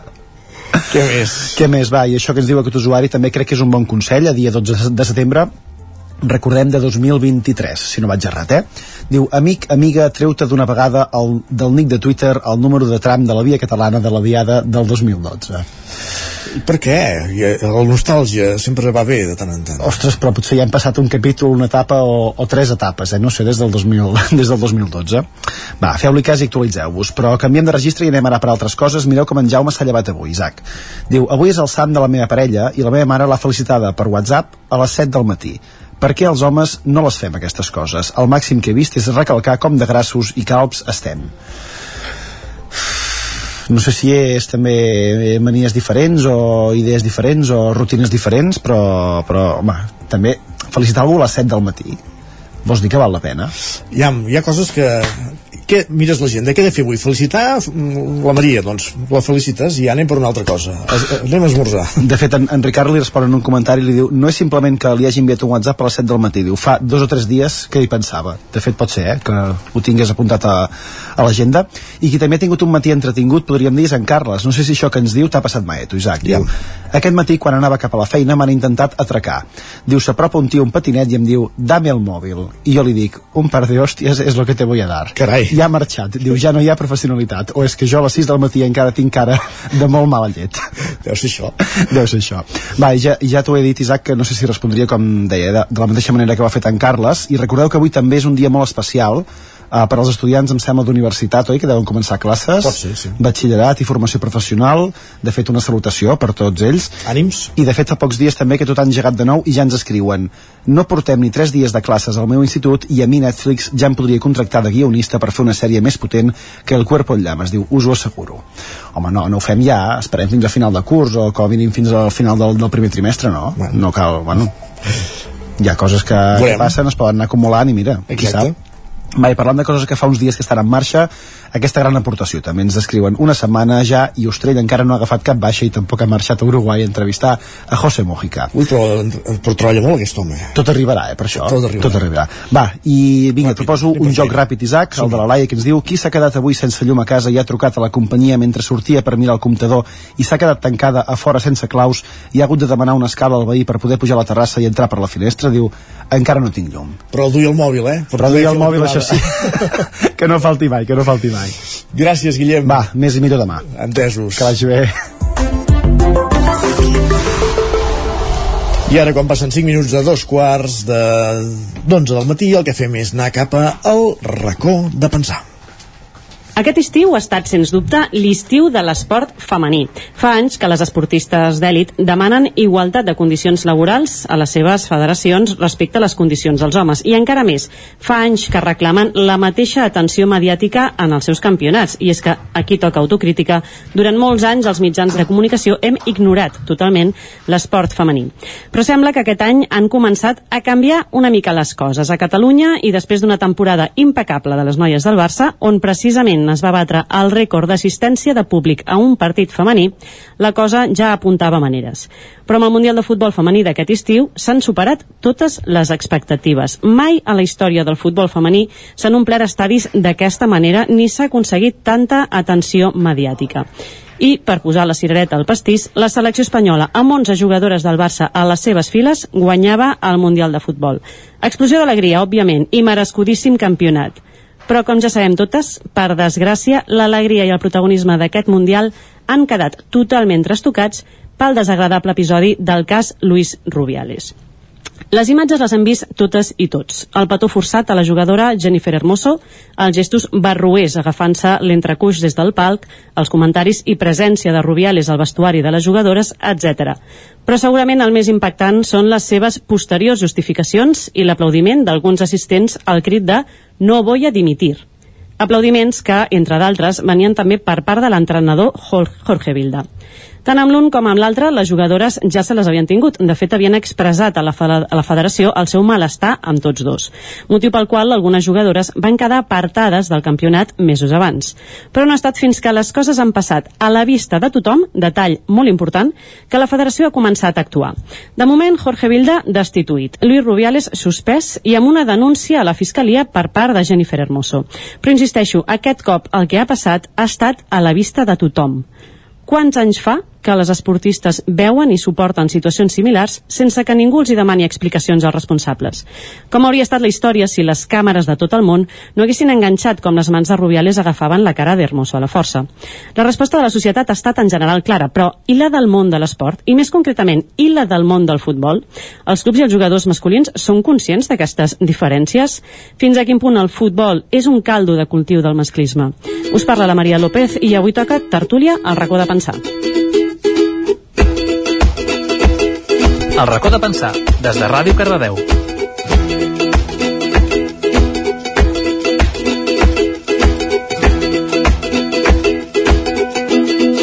I per estrenar la nova temporada del racó de pensar m'acompanyen a la taula de tertúlia quatre persones amb moltes ganes de dir la seva, perquè el tret de sortida del programa arriba amb un bon tema polèmic i ja sabem que això al racó ens agrada bastant. D'una banda, i amb galons d'antiguitat a la casa, ens acompanya en Juanjo Fernández Solà, tertulià habitual de la casa, professor, escriptor, conferenciant i visual thinker, que quan m'ho has dit avui m'has deixat una mica boja i pensant, ara el Juanjo què fa? Però bueno, bon dia Juanjo i ben tornat a casa teva. Bon dia, moltes gràcies. Lo de visual Thinker, després m'ho expliques. Eh? Ens acompanya també la Iogo Elias, membre de la comissió Coeduca de la FA Germans Corbella i jugadora de l'equip de veteranes del Futbol Club Cardedeu. Molt bon dia, Iogo. Bon dia, Maria. Tenim també amb nosaltres a un altre reincident, al racó de pensar, ella és la Míriam Oliva, pedagoga feminista en construcció, una altra cosa que també ens haurà d'anar a desvetllar què vol dir, així es defineix ella, i mare de tres nenes, una de les quals també juga al futbol de Cardedeu. Molt bon dia, Míriam. Hola, bon dia, Maria. I per tancar la taula tenim en Xavier Bertran, és president de la penya Blaugrana de Cardedeu i també ens explicarà bastantes coses interessants que s'han mogut dins la penya aquestes últimes setmanes. Molt bon dia, Xavier. Bon dia, Maria. Gràcies per convidar-nos. Doncs, eh, si us sembla precisament, acabava de tirar una mica la canya en eh, les bones, de bones maneres, diguéssim, en Xavier, eh, obrint aquest petit meló, perquè és un senyor meló, i vull començar precisament tu, perquè eh, la penya Blaugrana de Cardedeu, fa unes setmanes ja, es va desmarcar una mica de la manera de fer del Barça com a club i ho heu fet a través d'un comunicat, no? A veure si ens pots Mhm. explicar una mica uh, què deia aquest comunicat i per què decidiu, preniu aquesta decisió. Bé, eh, amb aquest afer eh, la majoria de gent ha anat tard. Eh, Gent, entitats, eh, col·lectius, eh, i abans ho has dit, no? especialment en el món del futbol, els propis futbolistes, la majoria encara no han dit ni essa ni bèstia, la qual cosa, com a companyes de, de professió, d'activitat, em sembla d'una gravetat eh, extrema.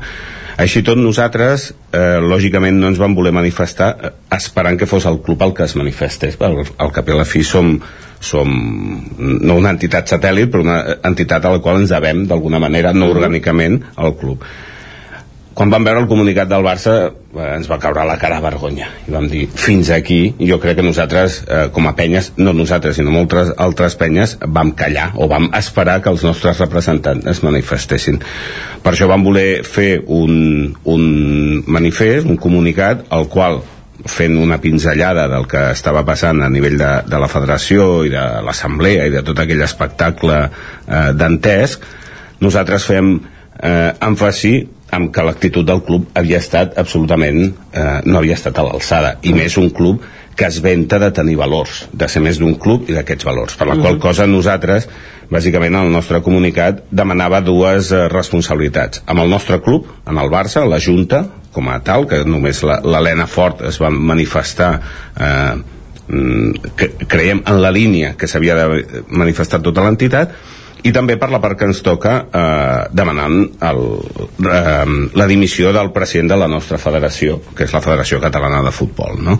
Pensem que el senyor Soteras no pot representar eh, totes i tots els que estem practicant futbol, amateur, federat, etc etc, els nostres amics, amigues, fills, filles, al final són els seus representants. Mhm. Per la qual cosa, el fet de que en aquella en aquell, eh, no sé com dir-ho, escenari dantesc de la- de l'assemblea de la federació amb la qual hi havia gent que li faltaven aplaudir fins i tot amb les orelles. I després, quan vam veure com queia des de la FIFA tots es van apartar del vaixell com a rates eh, no pot quedar ningú d'aquesta gent representant-se.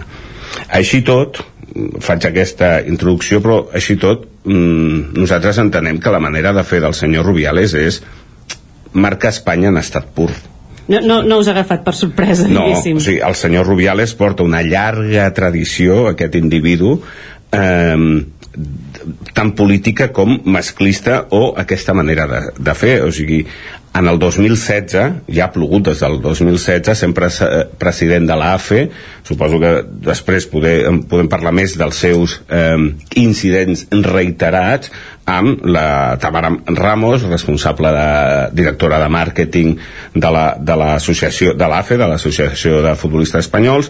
El 2018 eh, l'equip de futbol femení eh, del Barça guanya la Copa vol posar la senyera com fa qualsevol eh, equip que posa, si posa la bandera d'Astúries no passa res, o la Comunitat de Madrid no passa res i el, i, i el propi Rubiales va intentar treure-la de la Copa quan les pròpies jugadores l'havien posat o sigui, és algú que està allà posat pel poder i l'ha mantingut durant molt de temps en el poder. En les Mhm. tertúlies que estan sortint a la televisió aquests dies hi ha fins i tot algun tertulià, no m'atreviria a dir periodista, que diu, bueno, al final el del petó és poca cosa, eh? sense voler trivialitzar, eh? per part meva, clar, és que és la gota que ves al, al, al got. Mhm. És gràcies a la televisió i a les imatges que una actitud que segurament l'ha multiplicat per mil durant tots aquests anys, eh, tot, tothom d'una xarxa de clientelisme i de poder li ha mantingut el càrrec gràcies a, com deies, a la televisió les imatges és que s'ha posat això en el centre de, en el centre de debat, a les tertúlies com estem nosaltres ara, però eh, segurament això eh, ja, ja hi era, ja existia i simplement és que aquest cop les càmeres ho han pillat i potser aquest mateix gest fa, fa 8 anys hauria passat desapercebut com a coneixedores del, del món del futbol eh, en primera persona diguéssim en aquest cas Yoko com a jugadora del Veteranes o Míriam com a mare d'una jugadora d'esport de futbol femení eh, penseu o us trobeu encara situacions on es, on es donin aquestes diferències evidents entre, entre la secció masculina i la, i la femenina? Bueno, jo crec que és evident, no? En general tot l'esport està conceptualitzat com un àmbit molt, molt masculí, aleshores jo vull posar una mica d'èmfasis no? en, en lo dur que és ser dona i ser esportista. Vull dir, només mirar els patis de les escoles ja és evident que la pista esportiva ocupa un percentatge altíssim de l'espai de pati i que són bàsicament els nens els que ocupen aquest espai jugant a pilota, les nenes es queden a la perifèria i si en alguna vegada juguen a pilota és de forma molt puntual, casual i d'una forma poc competitiva. Per tant, les cartes de sortida de les noies i de les nenes i de les dones a l'esport en temes de pilota és en clar desavantatge no per una falta de capacitat sinó per una falta de dedicar-hi hores no? a més socialment doncs se'ns ridiculitza les dones en el moment de jugar a l'esport se'ns infantilitza per tant trobo que una dona que es vulgui dedicar a l'esport ja està fent eh, com com un acte molt reivindicatiu i un moviment d'autosuperació total, tant a nivell personal com a social, perquè està traspassant moltes barreres reals. Totes aquestes dones que han arribat a l'àmbit professional, eh, clar, hem de tenir molt clar tot el que tenen en contra, no? tant les crítiques, les comparacions amb els seus companys masculins, la falta de referents, eh, la falta de suport econòmic, perquè moltes esportistes professionals que els seus homònims eh, masculins homònims, homòlegs, ara m'estic liando. Bueno, que els seus companys masculins tenen uns sous dignes i es poden dedicar 100% a l'esport, en canvi elles, al no tenir una bona remuneració, han de compatibilitzar-ho amb altres feines, la càrrega mental que ja suposa doncs, de per ser a les dones la família i la criança, no? Vull dir, tot això ja està en contra. Si a més aconsegueixen guanyar un mundial, això és d'un mèrit enorme, uh -huh. Mm, sota el meu punt de vista, no? No sé. feies aquestes, aquestes comparatives no només parlem de salaris, parlem de, de condicions que en el cas precisament de les jugadores de la, de la selecció i anteriorment bueno, i del Barça doncs crec que han, han estat bastant abanderades amb aquesta, amb aquesta lluita hi ha aquesta equiparació de sou, de sistemes de viatge però si ens anem a l'esport, o sigui, ja anem a la base, a Míriam, mare d'una jugadora del Cardedeu, fa uns mesos vaig estar aquí amb unes nenes del Cardedeu que precisament reclamaven uh, certes diferències, per exemple, amb la quantitat de dies a la setmana que podien entrenar. No sé si això s'ha solvetat o no, i si hi ha més situacions així de, de greuge comparatiu, diguéssim. Mira, jo um, el que tenia clar era jo si hagués pogut triar no m'hagués o sigui, no hagués triat que, que la meva filla hagués fet a futbol perquè trobo que és un espai on les dones encara no hi estem en ple dret i és així o sigui, encara sembla que hem de demanar favors perquè et donguin un camp, perquè et donguin l'equipació, perquè puguis entregar, entrenar tots els, els eh, dies que toca. Llavors, um, de fet, quan van començar l'equip on ara juga la meva filla, que s'han com dividit no, entre les cadets i les infantils aquí a Cardedeu, van començar arrel del que deia la Yoko, no? que estaven al pati de l'escola i elles, el, un grupet de, en els seus inicis, no? eh, feien, sembla que cinquè o sisè a l'escola de Can Manen, i no tenien espai per, per jugar a futbol, els nens no els hi deixaven i elles van crear un equip i en allà hi va haver-hi dues persones una de les quals és ma germana que és així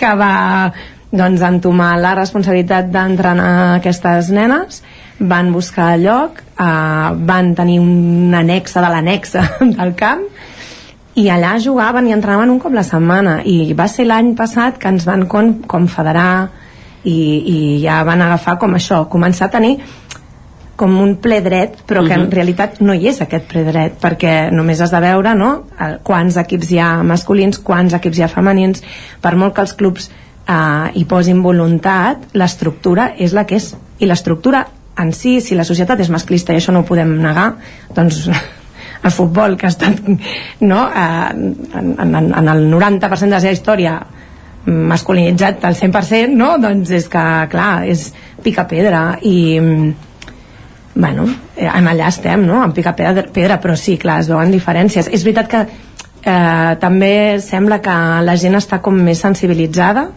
o, o vull pensar-ho, que estan més alerta. No, per, no sé si perquè ho creuen o perquè no se'ls digui masclista, però a mi m'és igual, mentre funcioni ja em serveix, no? A, a mi això em dones, em dones pa d'alguna manera i tornant al, al cas uh, Rubiales, fa un momentet el, el Xavier ens uh, recordava aquella, aquella escena una mica grotesca fins i tot, no? del no vull a dimitir i uns quants a la sala aplaudint. I ara vaig a tu, Juanjo, perquè fa uns dies precisament publicaves una de les teves il·lustracions, que saps que ens encanten, on es veia una silueta d'una persona, presumiblement per la falta de cabell entenem que era Luis Rubiales, mm, podrien ser uns quants més, però en aquest cas entenem que era uh, Luis Rubiales, que tocant-se l'entrecuix deia «Este es mi cerebro y el tuyo cuando me aplaudes».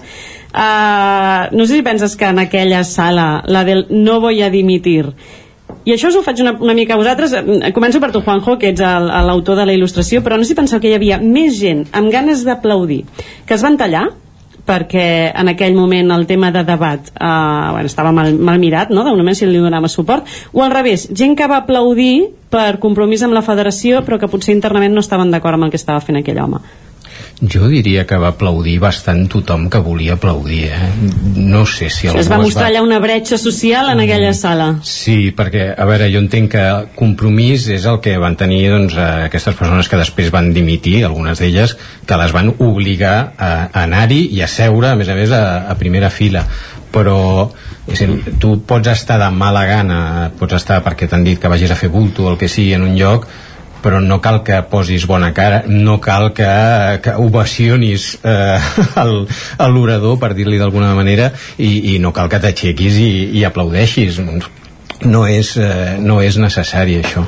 En aquest sentit jo crec que, que molta gent de la que havia allà doncs era realment el seu, el seu capteniment i va ser com, com una, una explosió de, de d'impunitat no? Eh, un, un, unes restes no? de dir això sempre ha estat així i no té per què canviar eh, i, i aquest home per fi està dient el que tothom pensa no? I, i ara per, per aquestes tonteries de fet el que dirien per aquestes collonades doncs eh, resulta que no, que, no podem, que no ho podem dir jo abans de fer la, la il·lustració aquesta que és, és el Rubiales, eh? o sigui, no, no, Confirmem. No, sigui, perquè està feta eh, amb calcant eh, la, la foto, o sigui, no... no... T'estàs traient mèrit d'il·lustrador ara. Sí, sí, sí, no, és, és, és el que és, el que vaig pensar, bueno, que no quedi tampoc tan clar, no, no posis la foto, però, però és, és això. Doncs el primer, abans que aquesta, vaig fer un, un tuit dient que el, el Rubiales aquest em, em recordava tants i tants bullies, tants, tants i tants assetjadors de quan jo era petit, que és el, el típic personal, que a més normalment eren físicament forts, normalment bons jugadors de, de futbol o de, o de l'esport que fos popular en el, en el col·le, i que, i que eren absolutament impunes, humiliaven, agredien, insultaven, el que, el que fos. I si pel que fos doncs se'ls hi recriminava o se'ls hi cridava l'atenció o, bueno, ja, ja els agafaven allò en un renuncio, llavors s'apropiaven, que és el que feia el, el Rubiales, s'apropiaven de conceptes d'allò que és allò, jo sóc la víctima, no? m'estan linxant, és un assassinat social. Eh, és, és aquesta cosa de, de, de, de dir, a més a més d'explicar de, què és el feminisme autèntic i no aquest fals sí. feminisme, que és una xacra, va, va dir, és una lacra de la societat, i llavors va ser quan la gent va aplaudir jo és que estava, estava a casa a la cuina m'ho vaig posar en directe i, i va, vaig haver, de, després de que digués no vull dimitir, llavors ja vaig tancar perquè dir, ja està, però no m'ho podia creure jo pensava, dic, bueno, aquest home doncs, dirà, dirà sí, sóc una víctima, el que jo, però bueno, me veu obligado a dimitir i, i ja està. Però llavors quan es llença allò i la gent comença a aplaudir, dius, ui, ui, ui, ui, ui, però, però això... E, és una situació que s'anava superant per moments. Sí. sí, no, no, més amb tota una sèrie d'orgull i, de, i de seguretat, bueno, treure allò el, el un unguismo, si podem dir d'alguna manera més, més... A, a mi em va recordar quan, eh, amb, la, amb la pel·li de, de Barbie que, que també ha estat un, un tema aquest, eh, aquest estiu i hi havia... Podem dedicar-li un racó encara no l'he vist, eh? no spoilers, please doncs, eh, mm, a veure és una pel·li que està, de fet patrocinada per Mattel, que és l'empresa de la joguina, bueno, i llavors tenen uns certs apunts eh, autocrítics, eh, digue-li com vulguis. I el Consell de Direcció de la Mattel, que apareix a la pel·lícula, eh, és, és un consell molt paròdic, però són només tios. Només tios decidint eh, com han de ser les nines i a què han de jugar les, eh, les nenes. Llavors, alguns, eh, alguns homes, sobretot, i nois, veient la pel·li, eh, doncs, eh, ah, és una exageració, ja està bé, els homes sempre igual, però clar, jo després veia, la vaig veure una setmana abans de, de, de tot això. Llavors veies el, el, el personal allà de la Real Federació eh, allà era el Consell de Direcció de la Mattel. Sí, Els consellers de la Barbie. Sí, sí, eren, eren tots allà era, era, era això, i la gent aplaudint A, a mi, perdona, ja que has tret el símil eh, cin cinematogràfic, a mi em va recordar eh, Jo ordené el código rojo. Com és això? Explica'ns, que jo no vist. La pel·lícula... No sé, algunos Sí, hombres eh, buenos. algunos hombres buenos, sí, sí. Jack Nicholson. Exacte, no? Que el força i en el judici diu, però vostè ordena un código rojo? No, no, això no existeix. I al final diu, pues claro que ordena un Ja código ja, rojo. ja, I que, no, ja. aleshores, a mi em va recordar aquell moment, no? Al final, i tots allà. I, per- perquè a més, eh, el que deia el, el Juanjo era clavat. Hi havia...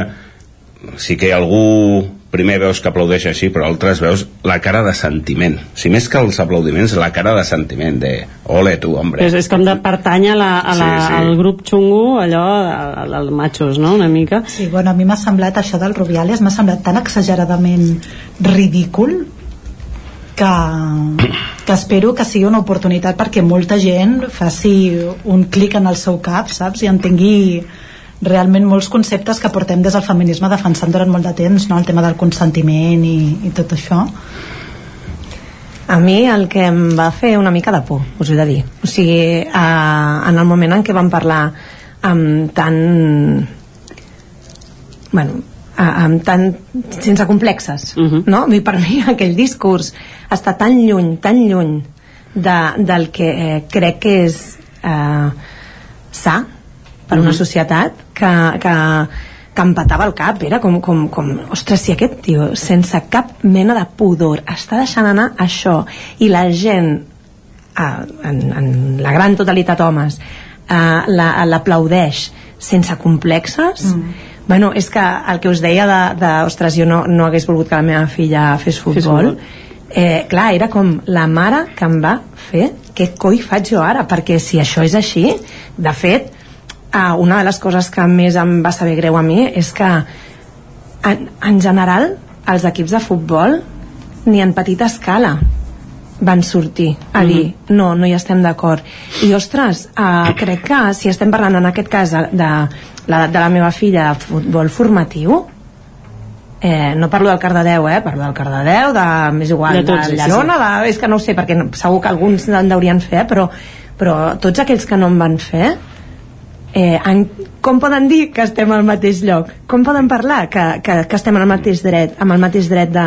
Són futbol formatiu, ells han de poder dir com a estructura de club això no ho permetrem i uh, no, n'estem, no hi estem d'acord. I posicionar-se. Ah, És que no posicionar-se és posicionar-se. Exacte, Estic exacte. fins als nassos d'aquesta neutralitat. Mm. No existeix, no existeix. No, quan tu no et posiciones, t'estàs posicionant clarament. No, no, que és la neutralitat de, del, del capità de la selecció espanyola que Exacte. sembla que eh, Bueno. bueno. bueno, hay que ver eh, quién es la víctima quién, quién és d'això el, jo el que passa és que jo crec que està una mica lligat jo també sóc nascut al 65 eh? llavors és una generació però està lligat a una certa concepció de, de l'esport eh, i de, fins i tot m'atreviria a dir de la gimnàstica. És a dir, durant molt de temps, sobretot aquesta generació nostra, eh, els nostres profes de- d'educació de, física, que llavors era gimnàsia i, i ja està eren de vegades eh, gent vinguda de, de, de la falange de l'exèrcit, d'això i que tenien aquest tipus de comportament mm, testosterònic i de, i de mascle. Doncs eh, sembla que per desgràcia una mica aquest comportament s'han reproduït durant un, una mica durant aquest estiu i ha passat el que eh, ja sospitàvem que passaria, que hem tancat i teníem a la Yoko que volia també fer una última intervenció eh, ens sap supergreu perquè teníem tema i teníem tema per, per dies i per estona i per molts racons de pensar així que espero i estic segura que properes setmanes podem recuperar-lo i fer una segona part si és que això va avançant també aquest petit colabrot de Luis Rubiales i no només per parlar d'això sinó per parlar de l'esport femení i de les futbolistes de Cardedeu, clar que sí. Uh, Yoko, Míriam, Juanjo, Xavier moltíssimes gràcies a tots quatre per acompanyar-nos en aquest primer racó pensar, de pensar de la nova temporada 23-24 i a tots vosaltres que ens escolteu a través de les zones. Tornarem la propera setmana amb un nou racó de pensar. Magazín del 9 FM, Ona Codinenca, Ràdio Cardedeu, Ràdio Vic i La Veu de Sant Joan, amb el suport de la xarxa. I acabem també el territori 17 i tornem demà a les 9. Adéu-siau.